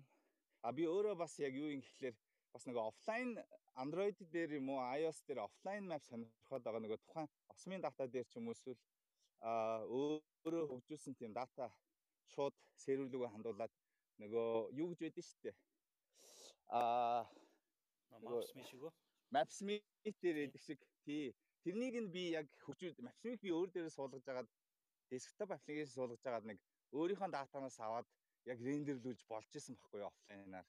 Одоо юу гэдэг нь сэвэл хатгалаад болж исэн. Тэгээд би өөрөө цаашаага нэг Android-ийн хүн ч гэсэн iOS-ийн хүн биш Android-ийн хүн болохоор Android дээр л би яг жинхэнэ офлайныг нь appыг нь яг нөгөө девайс дээр нь авчирч хийж байгаа тэгээд болгож болж исэн. Тэгээ яг хоо тиймэрхүү тал мал дээр юм асуувал болох баха. W миний хувьд бол өөрөө би өөр би өөр амар сонирхолтой нэг WebGIS тэгээд аппликейшн энэ GIS-ийн юун дээр бол бүр айгүй сонирхолтой айгүй гоё би өөрөө яагаад ер нь geo inform geo informate informatic буюу а geo computer science гэж байдаг лөө. Герман болохоор geo informatic гэдэг юм л да geo informatic гэх тий GIS тэгээд яг тэрэн шиг юмаа сураагүй бол гэж юу боддtiin айгүй сонирхолтой айгүй гоё юм байлээ. Яг тэр тал Чиний эхний суур чинь э, тэр жод руу чамайг хөтлөөд аваад ирсэн юм чинь чи өнөөдөр жогоо сурцсан ч болохгүй юм байхгүй чи бүр одоо бүрөө өөрөө бүр чи даблдаа явуулчлаа шүү дээ баг бусдаас илүү гараад. Би болохоор би би болохоор яг одоо жишээлбэл датан дээр нь ажилдаг болоод мэдчихэж байгаа. За ингэж болох юм байна. Энэ нь болохгүй байна гэх. Тэнгүүтээ нөгөө одоо жишээлбэл яг нөгөө application layer дээр одоо жишээлбэл хөгжүүлээд нөгөө backend хийчихэж байгаа. Сервисээ хийчихэж байгаа. Тай серверээ хийчихэж байгаа. Тэнгүүтээ тэндээсээ үүдээд яг тухайн датан дээр зориулаад одоо юу гэдэг фронт энд дээр одоо юу гэдэг Android дээр ч юм уу эсвэл веб дээр ч юм уу эсвэл iOS дээр шууд ингээ датагаа яаж харуулах вэ? Тиймэрхүү юмнуудыг бас айгүй тэгээ хийж сураад сүүлийн үед бол. Тэр нөгөө тайл хийж байгаа чинь WF сервер юм уу? W ямар сервер явуулсан? W WMS гэж сервис гарч сервер гаргаж сервис гаргаж байгаа шүү дээ тий. WMS-ээр буюу нөгөө нэг PNG дата, JPG дата өгж байгаа шүү дээ тий. А минийх болохоор PBF буюу нөгөө нэг proto buffer-аар өгч байгаа binary data. Эсвэл нөгөө JSON байж болно л да. Аа тэгээд тэр нь болохоор яаж байгаа юм гэхлээр нөгөө Mapbox-ын ч юм уу эсвэл бусад SDK нөгөө JavaScript SDK framework ашиглаад тэрийг нөгөө нэг аюугаа тийм яг Google шиг тийм smoothly харагдаж болж байгаа. Рен болсон рендер маш гоё саналууд яригдж байна. Тэрнтэй холбогдуулаад яхад манай энэ Монголын геомэдээллийн холбоо геомэдээлцэг имэн гэд хаягаар орох юм бол за та хэдэд бол жоохон ичмээр л вебсайт аа. Гэхдээ бидний тэрэн дээр юу харуулах гэдэг вэ гэхээр саяын дөрс сүрэнгийн хэлж байгаа тэр нэгдсэн үндэсний байгууллагын сансрын асуудал эрхэлсэн албатай хамтраад бид нар Genesis application Mongolia гэдэг энэ олон улсын workshop-ыг зохион байгуулахаар уг нь 20 онд хийх байсан юм а. Тэгээд энэ ковидос болоод хойшлоод одоо энэ 10 сарын 25-наас 29-нд хийхээр төлөвлөж ажиллаж байгаа. Геодий зураг 100 газар бас энэ шинжлэх ухааны актимын зарим нэг хүрээлэнтэй хамтраад.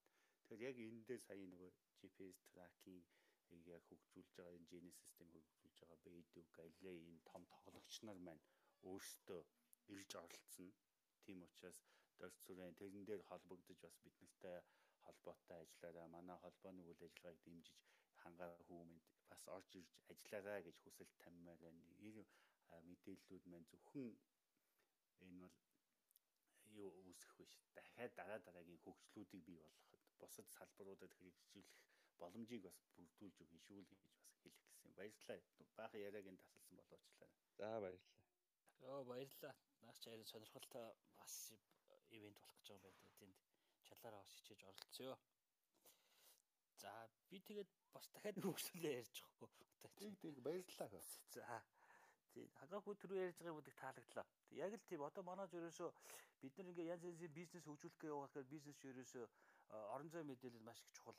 Одоо хүргэлтийн бизнест байж гэн дээрээс нь янз янзын одоо тэр бизнесийн нөгөө нэг барилуудыг хурдан мэдэж олох энэ төр гэл одоо бүх бизнесүүд чинь тийм байдалж болчиход байна. Тэгээ одоо онлайн худалдаа маш их хөгжиж байна. Тэгэхээр энэ Монголд энэ хамгийн тэр чөлөө төшөө болоод байгаа юм чи хүргэлтэн дээр энэ юу гэдэг вэ хөөе нөгөө энэ хаягжилт байхгүй мапын энэ дижитал мапын тэр муу хөгжиж энэ төрөөс болоод маш их системүүд хөгжиж өрөөж чаддгүй нэг гэрийнхээ аяыг заагаад өг гэхээр яг нь улаан хутгаар тойроод дээшээ яваад тэг чулуу байгаа тэрүүгээр эргээд гэдэг шиг зааж өгдөг монголчуудад. Тэрийг ямар нэг байдлаар хүүгэлтийн системд автоматжуулалт оруулна гэдэг бол маш хүндрэлтэй. Тэгэхээр хангаа хүүгийн хийж байгаа юм бол маш их одоо их олон хүний сонирхлыг татж байгаа юм сэдв байна. Одоо яг IT-ийнхэн бол яг энэ дээр ирээл IT-ийнхэн янз янзын сэдв програмуудын асуудлууд гаргаж ял дэвшүүлэнгүүт орон зай мэдээллүүд нь л хангалтгүй датанууд нь дутуу болоод зарим тийм прожект энтрүүдэд гацаачдаг зогсдог юм уу ч бас гардаг байхгүй. Тэгэхээр бас хангаагүйгээд бас амжилт хүсье. Тэгээд цаашдаа бас уулзнаа хойлоо бас хамтарч ярих юм байгаа юм байна. За баярлалаа. Тэгээд хүмүүс ч бас юу яадаг юм бэлээ шүү. Портфолио дээр бас өөрийнхөө контакт информашныг тавьчихдаг юм байлээ шүү. Тэгэхээр нөгөө фэйсээр юм уу юу холбогдоод цаашаага ингээд явдаг юм байлээ шүү. Уг нь тий нэмэх зүйлийн тасалсан. Ориглоо уучлаарай ярианаасаа хадуулаад жоохон өөр юм ярьсан бол Оо зүгээр зүгээр айгүй сонирхолтой яриа болоод сайхан сонсоо л байж. Айгүй сонирхолтой юм байна. Ориглоо одоо нисэх ярина гэж байгаа. Сая Гарч байгаа remote service нь одоо хэрвээ байгаа бол манай систем дээр тэр газрын объектуудыг нь харуулж болж байгааг нь бол тошоо үзчихвэл яг техникийн хангалттай. Яг бол монголчуудын өөрсдийн гэсэн тэр өгд мэдээлэл хариуцдаг ийм сервисүүд хэрвээ бэлэн байвал айгүй зүгээр байгаа. Заавал гадны юм ашиглах биш бид нэр өөрсдөө нөгөө чадна гэдэг. Тий, одоо датаны үйл яг VMS ч юм уу эсвэл одоо өөр WMTS ч юм уу тэр нөгөө сервисүүд гаргаж болно шүү дээ. Эсвэл өөрөө JSON, эсвэл JSON сервисүүд гаргаад болчихж байгаа шүү дээ. Тийм тэгж болж байгаа. VMS одоо яг газрын зургийн нөгөө VMS tile сервисүүдийг яг би нөгөө яг суур нөгөө дээр их ажиллаад явцсан байхгүй юу? А сүүлд яг JAWS server болон web серверүүд гэдэг open source яг энэ сервис гаргадаг програмуудыг ашиглаад сервис энэ төр гарч ирсэн. Яг өөрөө чи хэлж байгаа сервиснаас яг эднэрээс арай нэг ялгаатай юм шиг сонсогдлоо. Яг энэ талаараа яг сайн. Аа, JAWS server би нөгөө нэг PNG буюу WMS сервер ашиглаа. Нөгөө JAWS серверыг ашиглаад WMS хийхдээ сервис гаргахтаа нөгөө tile server гаргахтаа ашиглаж байсан. А тэгээд юугаа болохоор WMTS бол одоо болцсон боломжтой болсон JAWS сервер дээр. Аа тий. JAWS server бол айгүй мундаг болж байгаа. Тий. Тэгээд би өөрөө айгүй сайжирцсан. Айгүй мундаг болж байгаа. Би өөрөө яг тэрийг нь суулгаж игээд үтсэн. Яг нэг асуудал нь болохоор жоохон удаан юм байлээ. Тэгэхээр миний хийсэн тэр нөгөө нэг дээр Golang Go буюу тэндээ бичигдсэн болохоор нөгөө маш олон request буюу маш олон ингэ хяналт хийхлээр ямар ч асуудалгүй ажилдаг бага хэмжээ ресурс иддэг тиймэрхүү сервер дээр хийцэн болчихлоо айгүй дажгүй. Тэгээ тэр маань шууд нөгөө нэг post.js буюу нөгөө post.js шууд шууд юу гаргаж өгч байгаа л да. Шууд нөгөө нэг binary data маш хурднаар шууд dynamic real time. Тий яг зөв. Тэрийг бас кэшлж болно. Кэшлэх юм бол бүр бүр хурдан болно. Кэшлээд одоо юу гэдэг нэг өөр газар нөгөө тайлуудаа эхлээд тэр чин дорхно тэр болгон апдейтийг шаардлагагүй шүү дээ тий зарим газар. Тэнгүүт чинь нөгөө кэшилж байгаа эсгүүдээ одоо тухайн лейерийнх нь тухайн зүүм левелийнх нь яг тэр тайл дээр тэр хэсэг x longitude longitude latitude дээр нь тэрийг нь апдейт хийе гэдэг бас команд би өөрөө хийгээд хаяа явдیں۔ Гэтэ ерөнхийдөө бол би эхлээд хүн их хэрэглэдэггүй болохоор би нөгөө нэг зөвхөн сонго дээр хэрэглээд байдаг болохоор би шууд 7 хоногт нэг удаа нөгөө каша ри ичдэг байхгүй. Рекаш ичдэг байхгүй. Тэнгөт нөгөө миний хийсэн апдейт хийсэн юмнууд бүгдээрээ маш хурднаар буцаад нөгөө э, S3 дээр юм уу? AWS-ийн сервис дээр очингууд тэрнээсээ шууд нөгөө манай клиентууд нь өөрсдөө татаж аваад болчтой. Тэгээ ерөнхийдөө яг нөгөө дорцсон аваачлаарай за. Аа за. Уучлаарай. Би харин нэг юм гэс асуучих гээд. Одоо нөгөө вебтес нь болцсон гэсэн шүү дээ тайл сервисүүд нь. Тий, тий. Тэнгүүд а тэрнийхээ нөгөө scale level-үүд байгаа шүү дээ. Одоо 20 дэ гээл айгуу scale level байгаа. Тэр scale level нөгөө нэг одоо ArcGIS онлайн Google Bing энэ чинь нэг адилхан scale levelтэй байдаг шүү дээ. Яг тэргээр нь одоо олон улсынхаа югаараа одоо тэгч баг олон улс гэж байгаа юм да. Тий, яг стандарт дээр явж байгаа. Тэргээр явж байгаа тий. Аа зөв. Тий, тэрнгээр явж байгаа. Бүр айгүй гоё алдсан байлээ. Би бүр амар амар баярлсан. Урд нь байдаг. Би бүр хамгийн анх минимум математик зохиож намайг нөгөө нэг би нэг юу залуутай харьцдаг байсан. Аа Словакт байдаг үлээ биш Словак биш. Хорват ч үлээ нэг гадны нэг аутсорс хийдэг залуу. Тэр залуу намайг чи нэг ретина тайл хийгээд өгөөч гэдэг байсан байхгүй. Та нар урд нь мэдхүү нөгөө нэг одоо UB Cap-тэй өрсөлдөж байхаар болохоор байсан нөгөө такси гарсан нэг бидэн штэ. Тэгээ одоо алга болцсон. Сая нөгөө юу илээ ямар аппликейшнийг хамгийн анхны аппликейшн байсан штэ. UB Cap-ээс өмнө. ATPP юу лээ нэг нэртэй мөн? Аа, юу гэдэг лээ та. Тэр аппликейшн нөгөө Shark Tank-тэй нэг ороод илүү бас нэг За яста сайн санахгүй байна. Тэгээд тэр бол ямар ч байсан манай тайлыг а Бана. Батуу Батуу Аа гүү тэднийх биш. Батуугийн нөгөө таксидио биш ээ. Биш биш. Тэгээд тэр тэр дээр ашигласан чинь нөгөө PNG гаргаад ерөөсөө би амар сэтгэл дондор байдаг гэсэн байхгүй юу. Тэгээд судлаа л байдаг гэсэн. Тэгж жагаад нэг өөрөө яг юу яах юм бол гэж бодосон чи Post.js чи өөрөө нөгөө нэг MVT тайл гаргадаг болсон. Vector тайл гаргадаг болсон. Тэгээ шууд гаргадаг болсон. Тэгэж үзчихсэн аа шууд за боли боли гэд би нөгөө өөрийнхөө tile server гаргадаг God ирсэн тэр юугаа ашиглаад тэгээд шууд vector tile гаргаад binary хадгалаад тэгээд front end дээрээ буюу клиентууд дээрээ тэрийг рендерлүүлээд харуулж байна. Одоо тэгэхээр айгүй тийм дажиг болчихлоо юм л та. Jaw server-ыг ашиглавал бас ирээдүйд явгал шинжтэй харагдсан. Map server-ыг ашиглавал map server дээр тэр яг VMTS байхгүй л байлаа шүү дээ. Би сүүл судалсан байх шиг байсан. Аа би нэг Jaw server-ыг хэсэг ашиглаж үзэж байгаад аа болчихсон. Яг open source-ийн нөгөө нэг collection-ууд нь ер нь одоо ингээд Google дээр ч юм уу YouTube дээр маш их байдаг шүү дээ.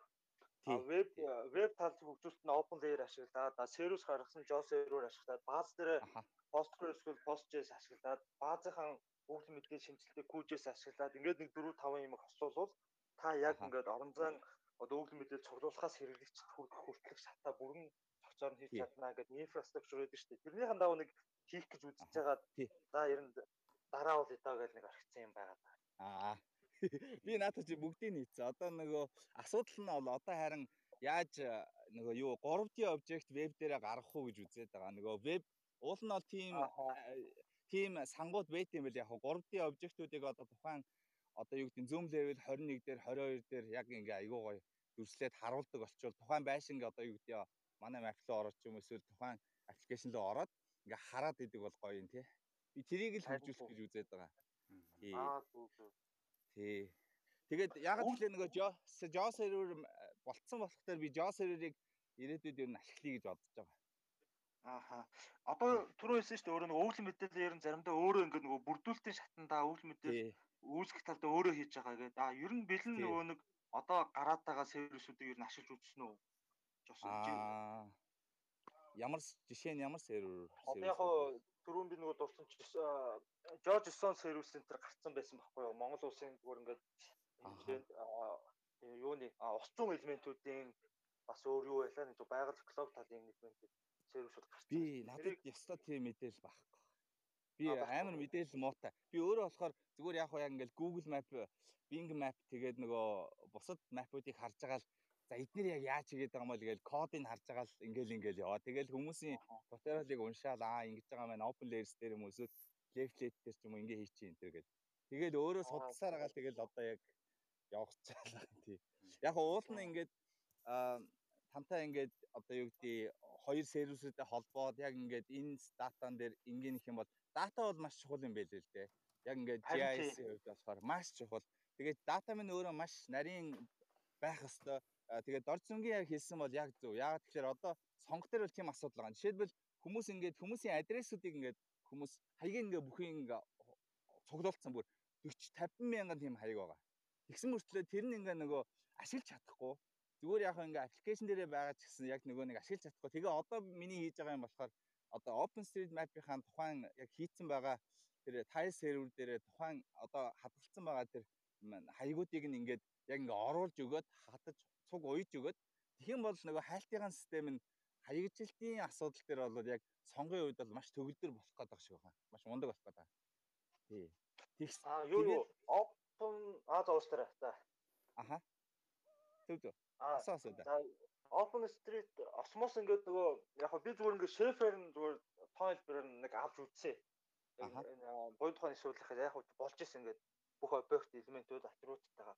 А тэрийг яг юм синхрон байдлаар ер нь татаж үзчихв. Би тэрийг л яриад туршдаг л байгаа. Тий, би тэрийг тэгж болно. Би өөрөө харь яг тэгдэг байхгүй. Би одоо шилбэл нэг скрипт ажиллуулад юу гэдэг одоо нөгөө датагаа татангуудаа тухайн датан дээрээ одоо шип файлнуудаасаа тухайн дата манай датабейс руу тэр тэр одоо билдингийн тэр тэр тайптай тэр тэр юутай тэрийг нь ингээд осом ID-г нь хит мэдгээд ингээд би өөрөө апдейт хийдэг юм хийцэн баггүй.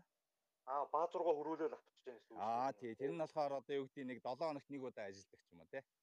Аа зөв зөв. Тий. Тэгээд одоо тэгээд сервис гаргаж өгөөд нэг туршлийчвал болох юм бол цаг зав нь ямар байгаа юм бэ? Нэг бүр сонирхолтой санагдаад болдог байраа.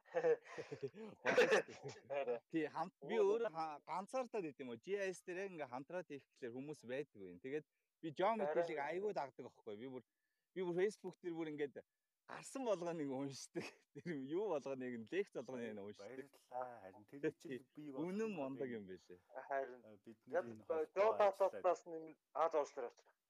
Ой зүгээр зүгээр уучлаарай бид нэг тэгээд нөгөө Post.js дээр бид нар бас нөгөө жил болгон 11 сарын 3 дахь лавгаар JS дээр тэмдэглэдэг байхгүй тэгээд яг дараа нь Post.js дээр гэж тэмдэглэе гэд би одоо энэ Post.js-ийг ашигладаг хэд хэдэн нөхдүүдийг уруу татгалаа хийсэн. Одоо тэгвэл хангаа хүүг бас уруу татмаар юм байна л та. За тэгээрээ зохион байгуулъя. Одоо манад бол хамгийн том хүчтэй хэрэглэл бол одоо энэ манай газар зохион байгуулалт геодэ зураг зүүн газар хэрэглэж байгаа land manager тий. Тэр бол яг зөв дата А тийм байх шүү нэрээ тий. Post.js дээр угаасаа нөгөө э, QJS суурьтай embed system байхгүй. Хамгийн нэг Германы нөхдүүд оруулж ирсэн дархны юун дээр хэрэгжилж байгаа. Оргил тэгч чинь байсан мэлүү ашиглаж. Байсан. Аюу land manager програм нэг нэг нь яг хүлээж аваад post land manager хоёр дахь офис би ганцаар орж таарсан юм а. Тэгээ яг цэвэр 100% open source дээр Python чинь яг тэр систем нь яг тэр саяын хний нөгөө хилдэг юугаар явдаг байхгүй. Тэгээд хамгийн анхны танилцуулгын анхны JS дээр тэр герман нөхдүүдээр нь танилцуулж исэн ихтгэл одоо манай Geomedel блог дээр байгаа шүү дээ. Энэ айдаг. Оо за за. Юу хангаа хөө тий тэр Geomedel blog.com яг 9 оны JS дээр байгаа. Дарханд хэрэг яаж хийж байгаа системийн танилцуулга нь. Аха. Geomedel айгүй тийм сар болгон яадаг байсан шүү дээ. Сар болгон нөгөө хүмүүсийг уураад хурл хийдэг тий. Тэр маань одоо ингэж ямар ч байсан орч. Вестфал болгочоод ингээл Клабхаус дээр 3 дахь өдөр болгоныг яриа хийгээд тэгээл яваад байна. Угаасаа энэ ковидоос болоод бүх юм маань хойшилж юм тэгээд ханд тэгээд сүүлийн үед бас энэ угаасаа хүчтэй орж ирж байгаа платформ юм чинь тэгээд энийг бас ашиглаад явчих гэж бодоод зүтгүүлээ л шүү дээ. Юу болох нэ. Тэгээ манай холбоондоос элсэд ороод ирээд дөрц зэрэг хангаагүй тэгвэл бас зөндөө юмнууд зохион байгуулалт бэлдээд байгаа шүү. 10 сард 10 сарын тэр юунд GNS-ийн хурал байгаа. 11 сард JIS-тэй зохион байгуулахаар бас бэлдэж байгаа. Яг энэтэй холбоотойгоор яг OSM-тэй холбоотойгоор бас хэд хэдэн ажлууд яригдчихэж байгаа. Тэгээ ямар ч зүйлсэн ихний байдлаар ингээд боломжоор ингээд хийх санаатай л зүтгээд байна. Тий. Аа би нөгөө нэг ямар ч хэлсэн мэйлээ уулна нөгөө гişүнчлийнхэн юунд нэгээд нэг дээр нэг мэйл иржсэн би данс тоогоог үлдээ гişүнчл болно хөө гэд нэг жилийн юу гэд тий би данс тэрийг нь яасангүй яг одоо яг та надлаа явж би уулын бүртгүүлсэн байгаа. ангахүй gmail.com гэдэг уулна байгаа тий. А дорцсон тэлхэд бол нэг юу байгаад байгаа? Дорцсонгийн сараа айгуу сайн. Одоо нэг миний судлаад байгаа юм болохоор би өөрөө нөгөө хажуугаар нь ингээд нөгөө public transportation routing гэж байгаа шүү дээ. Одоо нэг газараас нөгөө газар ороход тухайн нөгөө автобусаар яаж явах уу, явгнаар яаж явах уу гэдэг тиймийг амар сонирхож байсан байхгүй нөгөө рут хийж явах та. Зөвхөн машины рут биш. Одоо юу гэдэг явган хүн яваад нэг газараас нөгөө ороход автобусаар дамжаад энэ автобусанд ор суугаад ингэ явдаг гэх. Тэрийг би бас айгүй сонирхож байсан. Тэгж яагаад нөгөө нэг real time буюу нөгөө одоо шилүү GPS-ээр шууд тухайн GPS-ээр тухайн нөгөө нэг газрынхын position авангуудаа та энэ газраас нөгөө газар ортол яг real time routing хийдэг тийм систем хөгжүүлвэл их зүгээр юм байна гэж яасан. Тэгээд дорчрон яг тэр тал дээр хэр ажиллаж байгаа вэ? Одоохондоо бол манайх юу л цэвэр нөгөө тракер систем, монитор, контрол, хяналтын талаас нь яваад байгаа юм. Нөгөө нэг машинуудын болон бас хүмүүсийн явж байгаа. Тэгээд бид нар бас бага уурын онгоцон дээр хүртэл үзсэн. Онгоцон дээр хүртэл тавиад хүртэл ингээ хяналт. А яг уу яг root suggest тэгээд одоо энэ root-ийг санал болгож ийн тэр гэдгээр бол бид нар бол үзээгүй миний одоо хийгээд байгаа юм болохоор бол дандаа араас нь нөгөө нэг хянахал зоригтой. Тэг энэгээр явж юу энд очиж юу. А яг хөө тэгээд яг estimated time юм аим бол гаргаж өгч байгаа юм. Очиж цэгийг нь оруулаад өгчөөр. А яг хөө тэрийг бол estimated time оруулахдаа нэр route чинь бас нөгөө нэг машин дээр бол их алдаатай гараад байгаа юм л да. Яг тэр замаар явах уугүй юу те тодорхой бус. Яг хөө зүгээр нэг стандарт мапын нөгөө нэг зам Тэгэл нөгөө нэг Google API key төлөөд root нэг root авахд тэдэн цент гэж төлдөг штэ. Нэг адресингийн мэдээлэл авахд тэд. Тий, тэрүүгээр яваад байгаа байхгүй одоо. Тэгээ тэр мань аюу үнэтэй учраас биднээс зогсоож байгаа. Тий, жоохон тэгээд би түрүү чиний юм хийнгүүт одоо айгүй яг таалагдаад тэгээд чамтай ингээд явах юм бол харин жинхэнэ тэр явгнаар алхахад энэ гудамжаар аваад энүүгээр эргээд энд очигээд заагаад өхөл. Тий, root suggest хийгээд энүүгээр явал тэдэн минут, энүүгээр явал тэдэн минут. Тэгэхээр энд бас нэг юм байгаа да. Мапа маш сайн нөгөө нэг байнгын апдейтлэхгүй бол нэг өдөр нөгөө нэг явдаг зам дээр нөхөх чинь штэ. Тэгэхээр нөгөө бидний нэг удаагийн нөгөө нэг санал болгосон road failed гэх юм бол нөгөө ап чи цаашаа явах болж байгаа хгүй. айн худлаа байдаг ингээл. А хэрэглэгч тадаасаа яаж яах гэсэн үг шүү дээ. Тий, тий, тий. Тэгэхээр тэрийг болохоор маш их нөгөө нэг одоо ийм одоо маш олон нийтийн хүчийг ашиглах паблик гэх. Тэгэхээр тэднийг тэнд мафи нөгөө одоо энэ замыг засвар хийж гинэ гэдгийг мэддэгтэй зургийг аваад бидэнд рүү явуулж явах юм бол тэр хүн тэрүүгээр эргүүлээд нэг бонус авдаг ч юм уу. Дараа нь апаса одоо тэгдэг ч юм уу. Тим маягаар л явахгүй бол болохгүй шээ. Одоо жишээ нөгөө нэг жолоочд нөгөө нэг хурд тэмдэгчийн мэдээлэл хүртлэх хэрэгтэй байхгүй юу? Энэ 60 км өвөө шүү. Наа чи хурд тэмжиж байгаа шүү гэж жолооч шууд хилж явах хэрэгтэй байхгүй? Мап маань. Гих мэтчнээр а тэгэд энэ жууган хүнийг гарч байгаа шүү. А энэ зам тасвартай болчлоо. Одоо энэ замыг явж болохгүй энэ гэдгийг ингээд шууд хилээд ингээд тэгж л амьдрахгүй бол болохгүй юм байна. Одоо би гэсэн бас нөгөө яаж ажилдгийг судалж ирсэн л да. Гэсэхийг бас гэсэхин чинь Монгол тентэр ирээд бас нэг э, явши тэгээ манайхаа бас голоод тэгээд яахгүй юм байл л дээ. Бас нэг хүмүүс энэ урьж авчаад үдчихсэн. Янт гэсэхин өөрөөсөө сонирхоод ирсэн нөгөө таксиныхаа журмаар анхлаа ихтэй ирж ирсэн.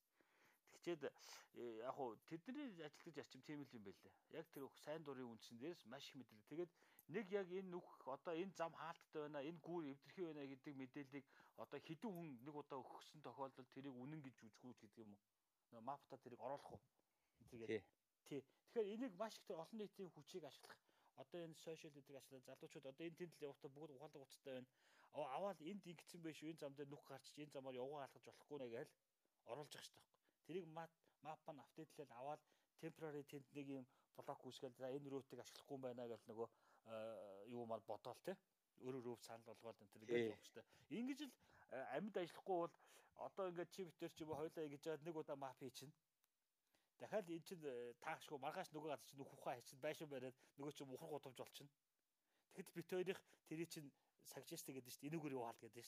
Тэгэхэд нөгөөд нь ч мухарлаад байвал тэгэл өө наад чинь шал худлаа юу вэ гээл мап байлээ гээл явуучих. Тэгэхээр юу юм хотын мапн дээр бол тэр одоо хотын бүх хэрэгэл өөрсдөө оруулж явах хэрэгтэй байна.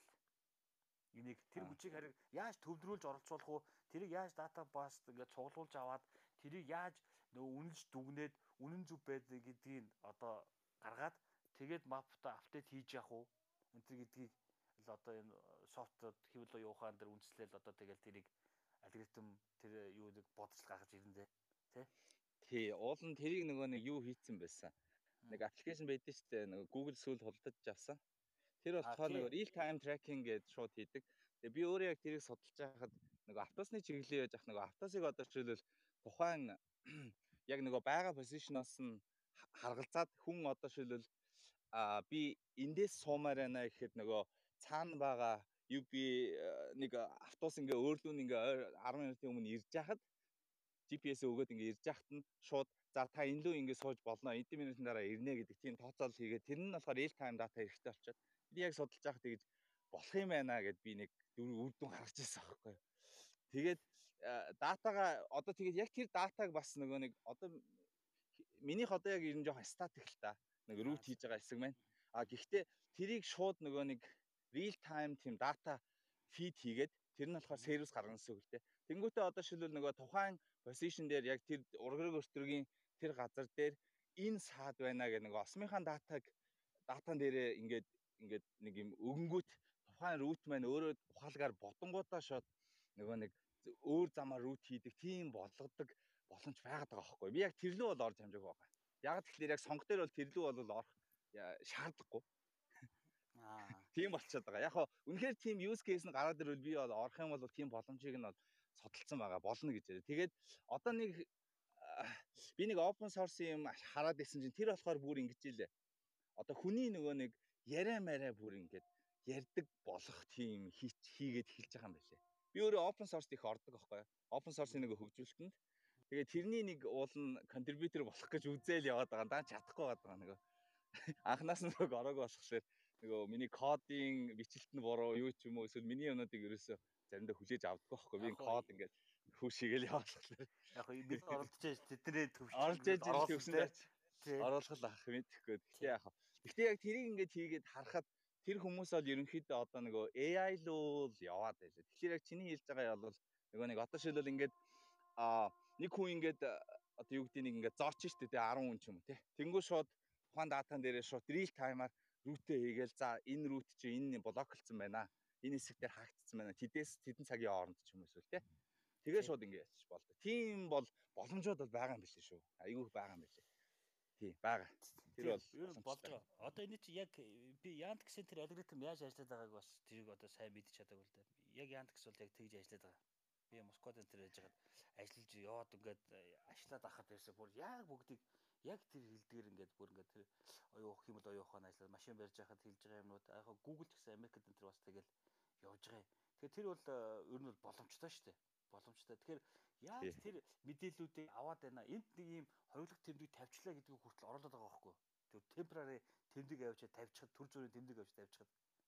Тэгэхээр тэрийг л одоо нэг Google Map-ийн нөгөө нэг баахан юунууд үүдэж штэ сайн дурын ажилтнууд явдаг. Яг тэр шиг нөхдүүдийг л хүчийг ашиглаж байгаа тэр. Тэгж л тэр мапыг ерөөсөө ингэ амьдруулж амьд байх хэрэгтэй байхгүй. Тэгэхгүй бол тэгэл жоохон хэмжээнд л нөгөө нэг гацаад юм уу цацчих юм бол хүмүүсийн нөгөө юу буурчна. Тэрийг нөгөө ашиглах маань. Тэгэхээр энийг маш сайн хөгжүүлж явах юм бол маш олон одоо бизнесүүд шууд энэ дээр явна. Одоо зүгээр сонгоч байна. Өшөө тэр түгээлтийн TikTok UB Cap байгаа. UB Cap тэгээд байна. Одоо манай миний ярьж байгаа бизнес ч гэсэн бас явна. Бид нар сургуулийн автобус гэдэг аппликейшнийг нодлыг үзэж ирсэн. Яг 19 онд эхлээд үжээ. Тэгээд нөгөө нэг тооцоолоод хүүхдтэй одоо яг гараа гадаа гараад очихгүй өвлийн хүүтэн гадаа гараад зохиор автобус чи ирэхгүй даарч нэгэд аав ээж нь бас хамаагүй гадаа гараад зогсоохгүй энэ төргээд тэгвэл автобус чи яг одоо энэ чам дээр яг 5 минутын дараа очино гэд тэгээ тэн дээр нөгөө нэг Google-ийн трафик дата тэгээд одоо ингээд авсан чи манай нөгөө нэг зам ам гэдэг юм чи өөрчлөгдөн. Тэгээ жолооч чи батлагдсан зам амаар бас явдггүй энэ төргээд янз янзын асуудлууд байдаг. Тэнгуут тэр болгоныг тооцоолохгүй бол тэгээ бас нэг нэлээ их юм явж ирсэн дээ сүүлдээ нөгөө хүүхдүүд ковид гараад Суулын автобус явах байлцсан чи бид нар тэрийгэ төр зогсоцсон. Аа. Тийм. Бүх юмд нөлөөлж ин да хаасайгүй.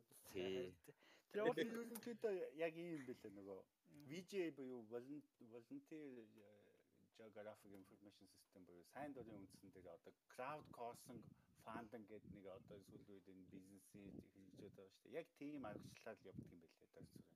Тэг яг тийм яг наад чинь одоо VGA гэдэг юм байлээ. Тэгээ бид нар бас одоо тэр Public Lab Mongolia бид нар бас манай холбоо бид нар бас өнөхөд байгаа байхгүй. Ялангуяа яг тэр VGA гэдэг салбарыг бас бий болгоод өгчүүлээд явах юм бол буцаагаад нөгөө win win гэдэг approach хэрэглэх гээд байгаа байхгүй. Нөгөө хүнийхээ хувьд ч юм уу ялангуяа бидний тавьсан approach юу гэвэл оюутнуудыг маш энэ тал дээр ойлголтуудыг бий болгох бий болгоод а нөгөө талаасаа энэ яг одоо яг дор зүрхсэн ч юм уу ингээд сонгож байгаа девелоперуудад хэрэгтэй мэдээллийг бий болгож өгнө гэсэн үг байхгүй. Тэгэхээр саяын тэр Осоми апдейт бол одоо тэр Public Lab Mongolia-гийн бүтээгдэхүүн шүү ажлууд биднээс нэг 2 3 мафентон бас намраас зохион байгуулахаар ялангуяа саяын дор зүрхний хэлж байгаа санаа тэр community mappers гэдэг хөтөлбөр маягийн юм бид нэр хэрэгжүүлж байгаа юм байна. Тэгэхээр бас тийм ажлууд бас яригдчихэж байгаа шүү. Тэгээ хэдүүлээ бас нэг сайхан цаг сайхан бол бас нэг ярьж суухмаар юм байна л та. Харин тий. Аа ковид гайгүй, хөл хорой гайгүй болчвол энэ одоо энэ засагчин дэхтийг сонирн байна л да. Сонгуул болохоор ингээд 40 50-аараа хэдэн зуугаараа хүн цуглуулад байдаг. 20 30 хүнтэй юм хийчих гэхээр болж өгөхгүй байна л да. Бид нэр хэрвээ энэ гайгүй бол 6 сарын 16-нд юм уу 23-нд нэг жобыг зохион байгуулъя гэж бодоод байгаа шүү. Тэгэхээр сайхан пиунга иймэрхүү яриагаа яриад тэгээ ялангуяа 6 сарын 16-нд бид нар бүр дроны тухай ялангуяа бүр витолын тухай хийх юм гэсэн төлөвлөгөөтэй байгаа. Гэхдээ энэ сонгуулийн дарааны цаг үеийн байдлыг харж шилэхгүй бол бас төлөвлөхгүй бол бодлоо олцоод байна. Тэгэхээр сайхан ярьж суугаад гэхдээ нөгөө талаасаа клуб хаус маань энэ боломжийг бас бүрдүүлээд бас та хоёртай ингээ сайхан яриад бас оргил яаж хэрэгжилж болох вэ? Хорхоог нь хөдлөгч шиг л боллоо л да ориглоо. Харин би яг миний яг одоо ингэ сонсож байгаа санаагаар бол яг ингээд хэдүүлгийн яриаг ингээд нийлүүлээд харахад нэг нэг юм дид бүтц гарч ирж штэ. Өглөө мэдээлэл бүрдүүлэх тэрийг яг цэгцтэй бүрдүүлэх тэгээд тэр бүрдүүлсэн мэдээлэл яг нэг тодорхой мэдээлэл санд орох тэндээсээ боловсруулагдаад гарах хэрэглэгчдэд очих хэрэглэгчд очих сервис үйлчлэгийн тодорхой нэг тийм үйлчлэгээ үзүүлдэг тийм ухаалаг систем байх гэдэг яг энэ бүгдэн дээрээ яг тодорхой нэг бүр яг туршилтын зурмаач гэх юм эсвэл демо гэх юм эсвэл цаашдаа энийг ингээд босоод явах боломжтой ингэ яг нийлээд ингээд нэг юм хийчмээр юм чинь надад бүр тийм хорхоо хүрээл байна та. Одоо ер нь ингээд заримдаа ингээд хүн юм хийхээр чинь ганцаардаад нэг тэгдэг шүү дээ. Одоо яг хангаагүй хийхээр ингээд яг ингэчлээ ингэчлээ би өөрөө нэг ингээ хийгээ цаг алдчих. Яг тэгвэл өгөглийн мэдээллийн цуглуулах, бүрдүүлэх яг тэр стандартын дагуу ингээд бэлддэг нэг хэсэг баг ч юм уу гаргаал те. Тэрнийг нь хөгжүүлж цаашаа гаргах, сервис гаргах, аппликейшн гаргах ингээд яг ингээд яг санаа нийлээд ингээд нэг хийгээд яг боддоор ингээд явчвал бол нэг айгүй их гоё юм болчих юм л гэж бодоод байна. Миний санаа нь бол Тий, тий, яг тий, тий. Ер нь бол тэгэл эндээс маш олон юмуд ургаал, бүгд нь шин шин санаанууд ургаал. Одоо ингээл нэг гэсэндээ бидний одоо ингээд тарих одоо өөр ажиллаж байсан юмнаас одоо ингээд өөрчлөлтөө шинжлэхдээ шинэ мэдээлэл гарч ирээд ингээд гоё болж эхэлж штэ бас одоо харин тий. Тэгэхээр одоо хэдүүлээ бас энд ярьж байгаа юмудаа тэгээд цаашаа одоо энэ Jotokто үргэлжлүүлж яриад бас бүгдээрээ нийлүүлээд яриул тэгээд бид нар заавал тэр Google мөнгө төлөөж авах тий. Ер нь харин тийм шүү дээ. Ер нь бид өөрсдийн гэсэн нэг тийм юмтай болмоор байгаа байхгүй юу? Бүгд хэрэгэлдэг бүх албан салбарууд иргэд олныг хэрэгэлдэг нэг өөрийн гэсэн нэг битаасан Монголын юм ямар нэг баймаар байгаа. Заавал одоо ингээл ер нь одоо бид нар ч гэсэн ингээд эсгийн салбарт өглөө мэдээллийг аваад хэрэглээд Монголынхын гэхээр Google байгаа шүү дээ. Нөгөө мэрэгжлийн бос өдөр дууд гэдэг ч юм хүмүүс хэлээд. Google байна. Google-ээс харж Google наривчлаа тэгээд гэтэл эн чинь бас байн Google гэдэг ханч бас хаашаа юм. Тэрийг өөрсдийн гэсэн юм юм байгаад энэ нь өөрөө цаашаа хөгжиж явдаг. Айгүй гоё болчиход байна. Тийм шүү дээ. Манай дарга нар чинь нэг Холливуудын кино шиг юм боддог шүү дээ. Нэг клик дарангууд бүүм бүүм гээл бүх зураг нь гараад пам пам гээл дорн секундын дотор ширээн дээр нь тавигдчих их юм нэгч байгаа зү бодлоо. Оо ер нь тэгээд хитүү шүү дээ. Гайхамшигын орон юм шиг л тэгэл бүх юм ич хэдийн юм шиг л бодоол тэгэл. Заримдаа тохиол газ нүдэн дээр нэг газрын зураг гаргаж ирэл нөгөө Холливуудын кино шиг амар гоё зүүмлээл хиймэл дагуулаас зургийг пам пам гэж аваад тэгэл газрын зургийг болсуулаад өгчихл юм бодоод сууж идэг штэ. Танд яг ингээд эцсийн бүтээгдэхүүн харуулахаар өө ийм л юм бэ яасан ч ингэдгийн тэгдгийн ч гэдэг юм. Яг тэр энгийн харагдаад айгүй гоё болчих юм чи хийх гэж ямар хүч хөдөлмөр энэ төр гэж бас юм байна байна. Тэгэл яриул. Тий, тий. Одоо нэслэгээ нэг журам гаргах гэж юу болдог вүлээ те, тий? Хариуллаа тэгэл маш их гадрууд авах бол тий. Тий. Тэгэхээр зурм гаргаад ирэхээр ганцхан А4-ийн цаасан дээр ганцхан ууц юм гардаг шүү дээ. Нисгчийн өмнө очихдоо. Тий, ер нь тэрийг гаргахад тий айгүй хайгуул болж байгаа. Тий. Бас тэгээд өвгөл мэдээлэл нь яг түрүүний хэлдгээр нөгөө байх байхгүй биднэрт олдох олдохгүй нөгөө байгуулсан өг өгөхгүй гэж бас асуудал үүснэ. Тэрийг тэгэл яаж зохицуулах вэ? Яах вэ гэх Төрөө нэг очрог нөгөө юу асууж байсан Genesis станц нисэх 50-аад байж болтгүй мүү гэд. Бид нар судалж байсан. Тэгээд би нөгөө тэнд инженер хэлчих бид нар нөгөө нэг энэ GPS-дээр тулгуурсан ойртолтын схемүүд гэж яддаг байхгүй нислэгийн журмууд. нэг өсөндөө нөгөө нэг онгоц маань орж яг GPS-ийн хатуу координатуудаар зурвсаа олоод зурсныхаа нөгөө touchdown point-ууд дугуй тавьцэг дээр яг бууна гэсэн үг. Тэгэхээр тэрийг ашиглаад эхлэх гэхээр нөгөө differential GPS гэж юм шаарддаг. Өндөр наривчлалтай ойртолтын схем үлдээд эхлэхээр Тэнгүүт бид нар буйн тухайтай энэ бас туршиж энэ үзчихсэн. Тэгээд газарт ингээд тулгуур яг байдал дээр богд уулны тэр дээр нэг Genesis-ийн олон шоугийн хүлээ авахч тавиад тэгээд тэрнийх нь мэдээллийн дата линкээр онгоц руугаа цацчаадаг. Тэгээ онгоцны нөө GPS-ийн ресивер тэр хоёр хоорондоо харьцуулаад алдааны ерөөр магадлал одоо хэр зэрэг байна гэдэг. Нэгсэндээ газар цацж байгаа дата бол яг газрын хатуу цэг дээрээс байнгын хэмжилт хийцэн өөрийн наривчлалтай өндөр наривчлалтай координатыг цацж байгаа байхгүй. Онгоц бол тухайн үедээ бол алдаа гарах магадaltaй одоо хідэн хэмэл дагуулаас мэдээлэл хүлээж авчаас хамаарат тэгэхээр тэнд нөө коррекц хийж өгөх зорилттойгоор тийм станцыг бас Монголд үзчихсэн.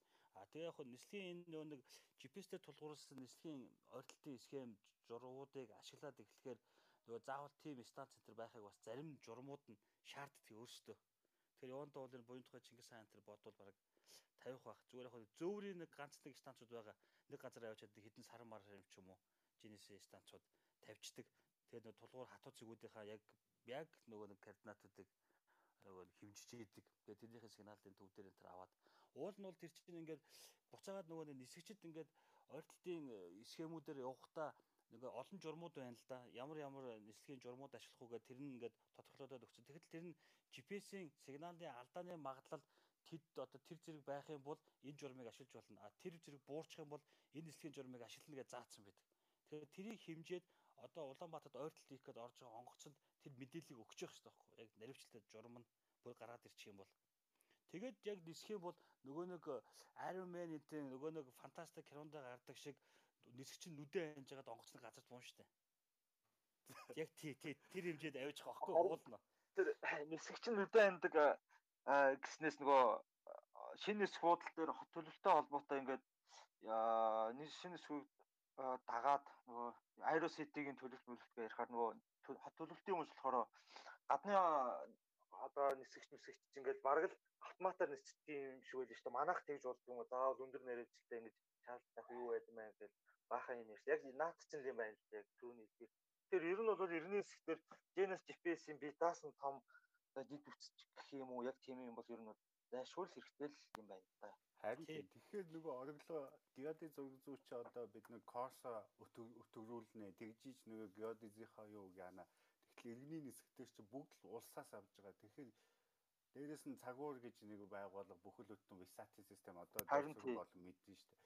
Ийм гоё системийг тэгэхэд манай цагуурийн чинь тийм амар висати шүлжээ ашиглаж байгаа мөртлөө амар бага тэмдэгт ашигладаг байхгүй цагуурийн дата шилжүүлж байгаа юу чинь. Тэгээ ийм гоё юмнуудыг чи ингээд тус тусад нь хөгжүүлээл тус тусад нь мөнгө байхгүй гээл нөгөө зас цангийн яам нь нөгөө 14 дугуй гэдэг онгой шиг хасаал идэг байхгүй. Тэрний хооронд энэ төслүүдэд нэгтгэл энэ системийг чи ингэж өргөн зурвалсад ашиглаад датаг нь висатаараа ашиглачи. Тэгэнгүүт энэ Genesis дээрх иргэний нисэх рүүгээс ашиглаж болно, цагуурийнхаа мэдээгч ашиглаж болно, геодезийнхаа мэдээллийг чангачия. Тэгэх юм бол ингээд мэдээлэл чинь хэлбэл data accuracy чинь сайжраад явчихна. Энэ дээр нь энэ өстой нөгөө IT-гийнхаа хүмүүсийг ашиглаад энэ Монгол дата серверийг ашиглаад явчих юм бол гадагшаага тэр мөнгө ч уусахгүй гадны нэг системийг ашиглахгүй болчих байхгүй юу? Харин тий яг яг жишээлбэл нэгэн дээр нь байгаа боломжийг нөгөөдүүл нь ашиглаад хамтдаа юм хийгээл нэг юм гаргачаад явчвал бол дараа дараагийн одоо би даасан хөгжүүлэгч бүх хүмүүст айгүй хэрэгтэй байгаа тоххой. Хувийн компани аж ахуйн нэгжүүдэд бүх юмны цагуурийн холбоо гэж бас мундаг штэ бас тий Тэгээ цагуурих висат сайлдаа одоо 96 7 оноос хөдөлмөр даргаыг байх үед тавьжсэн. Тэр тэр төвөө чинь бүтээгдэхүүн дээ. Тийм үү. Тэгвэл би тэгвэл би нисгтэр яг тэр висатаа чинь тавьж байхад би тэр нисгтэр висат тавьжсэн байхгүй. Харин тэр бол маш гоё шүлжээ. Тий, шүлжээ. Нисгий чинь тэр висатаа солилцсон шүү дээ одоо. Илүү өндөр хурдаг болгоцсон. IP тулгууртай өндөр хурдаг болсон. За. Илүү өндөр одоо бол нэлээд сайжруулсан байгаа. Нисгий шүлжээ. Бэдүү бол амар болчихно ёо. Бэдүүгийн үйлчлэгээ сервисүүд бол ёстой. Харсан уу үйлчлэгсэн. Тий. Ер нь одоо тасаад байна. Ер нь хөгжөөд ер нь IT суурьтай болоод одоо мэдээллийн технологи нь ухуучин холбоо мэдээлэл гэж бичдэг байсан бол одоо мэдээлэл холбооны технологи гэж нөгөө мэдээлэл нь урдаа бичдэг болсон шүү дээ. Та нар анхаарал байх. Хуучин нөгөө холбооны сургууль гэж ярьдаг байсан бол одоо мэдээллийн технологи холбооны сургууль гэж ярьдаг болсон. Урд талд нь тэр нь ороод ирсэн байхгүй. Тэгэхээр чи мэдээллийн технологи чи урд нь гараа яваад байна гэдгийг бас ингээд хилээд байгаа юм бол та бидэнд одоо тэгээд тэр төрөө тэр нисхийн тэр нөгөө Genesis станц бол уулын инхэл юм билээ. Монгол улсын одоо нөгөө нэг геоди зураг зүүн газар ч юм уу тэдний том тулгуур станцуудаа тавьчаад тэрнийхээ дата энэ зарах хэрэгтэй байхгүй бидэнд. Тий, нисгт энэ төр гэдэг одоо хэрэглэгч нарт.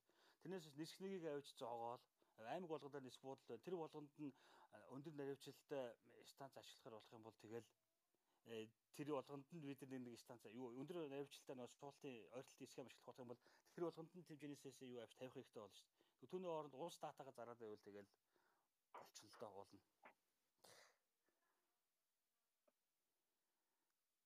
За сайхан ярьлаа. Очрох нэрээ ганц асуулт нэрээ цаг ууртай холбоотой нэг юм танаас асууя гээд ер нь дээрээс хойш бодож байна. Оо би холдсон шүү. Цаг уураасаа холдсон. Харваад 20 жил бол Ааха. Одоо нөгөө WebJS-тай холбоотой ингээл янз бүрийн ингээд тушаад open source болон ArcGIS-тер тушаад ингээд явж байгаа. Би ер нь нэг юм тушаагүй үлдчихэж байгаа хгүй юу. Бас мэддэг хүмүүс байс байвал хэлээд тусаад өгөөрэй юм асуух гэсэн юм аа.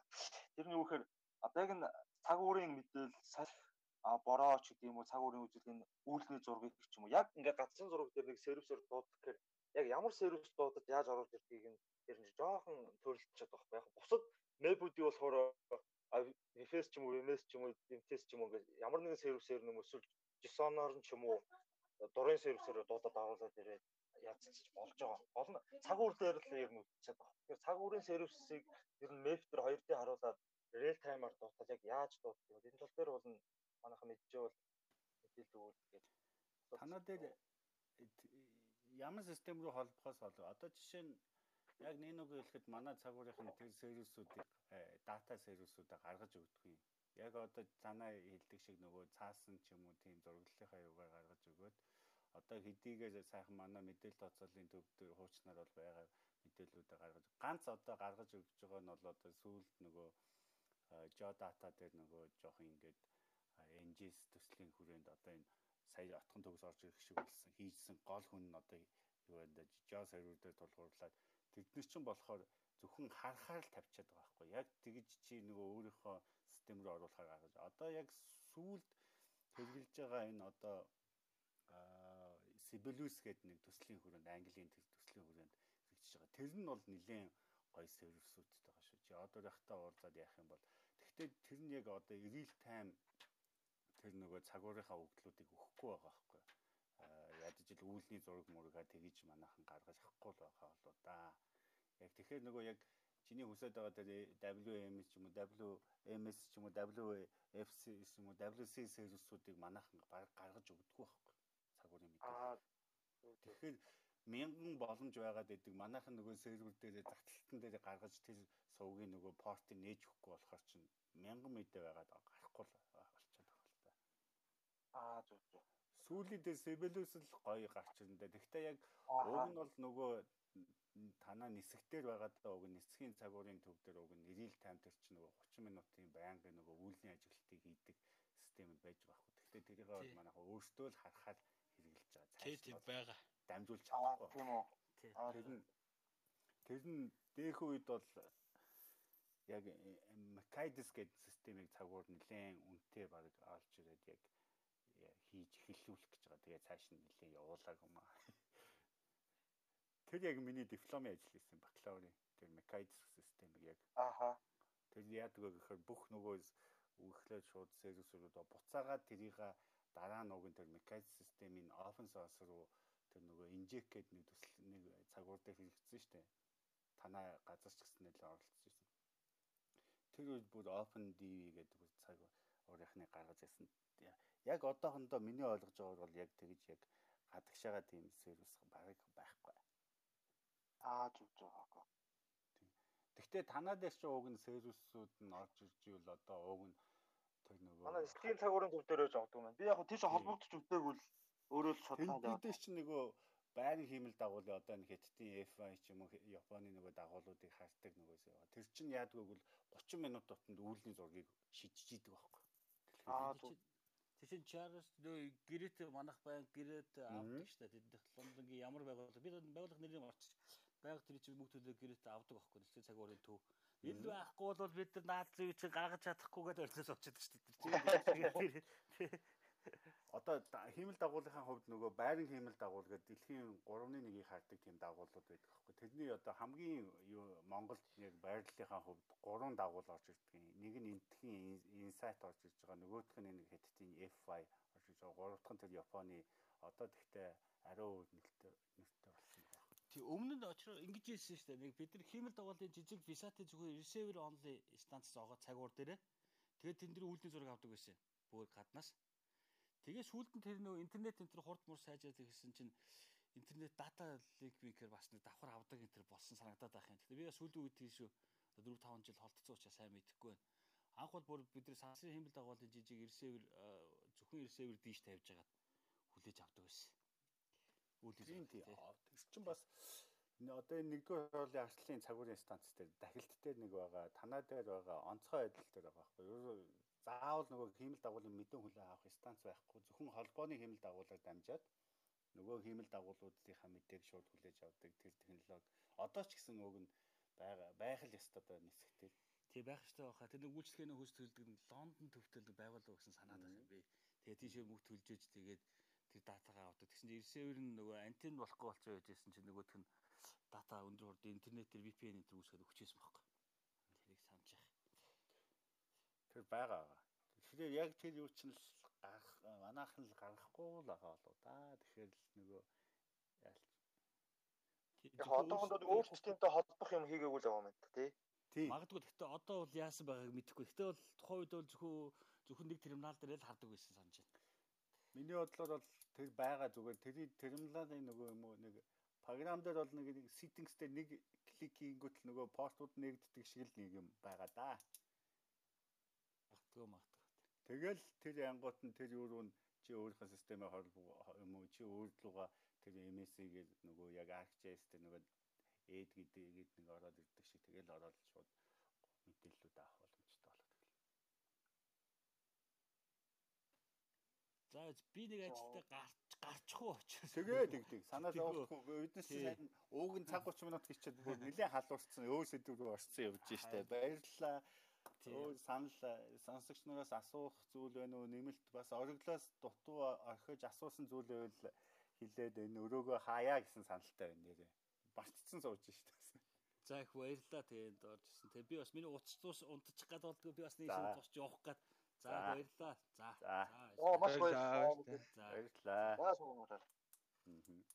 За тэгвэл баярлалаа ориглоо өрөөгөө хаах уу? Сүүлийн одоо төгсгөлийн үгийг чамд э, хэлэх юу үлдээ. Бидний урилгыг хүлээж авч маш сонирхолтой яриа хийсэнд баярлалаа.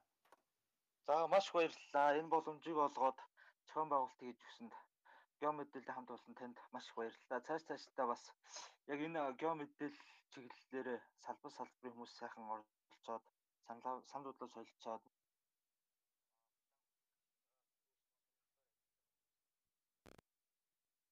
ямар нэгэн гоё том зүйл хийх баха гэж бодож байна. За маш баярлалаа. Сайхан ярилцлаа. баярлалаа. Баярлаа. Би нэ За, өөрөө баярлалаа. хаахаас өмнө хангаагүй нөгөө миний яриад байсан Эрдэнэ цагт гэж залуу маань ороод ирлээ Public Club Mongolia. Нэ Осомиг хөгжүүлээд байгаа хүн шүү. Та хоёр сайхан Аа танилцсан. за. Аваарай. Оо сайн байна уу? энэ хангахуугээ залуу энэ Осоми юун дээр суурилсан газрын зургийг девелопер хийдэг юм IT чиглэлийн хүн юм биш үү? Танаа апдейт болгоны чинь 7 хоног шууд л ганц скрипт бичээл авдаг хүн гиндэ. Юу нэлтэн цагтаа? Тана shape файлуудыг Ажиллахтай байна уу? Өө гадаа явж байгаа сая орж ирээл. Аа за. За сайн байцгаана уу?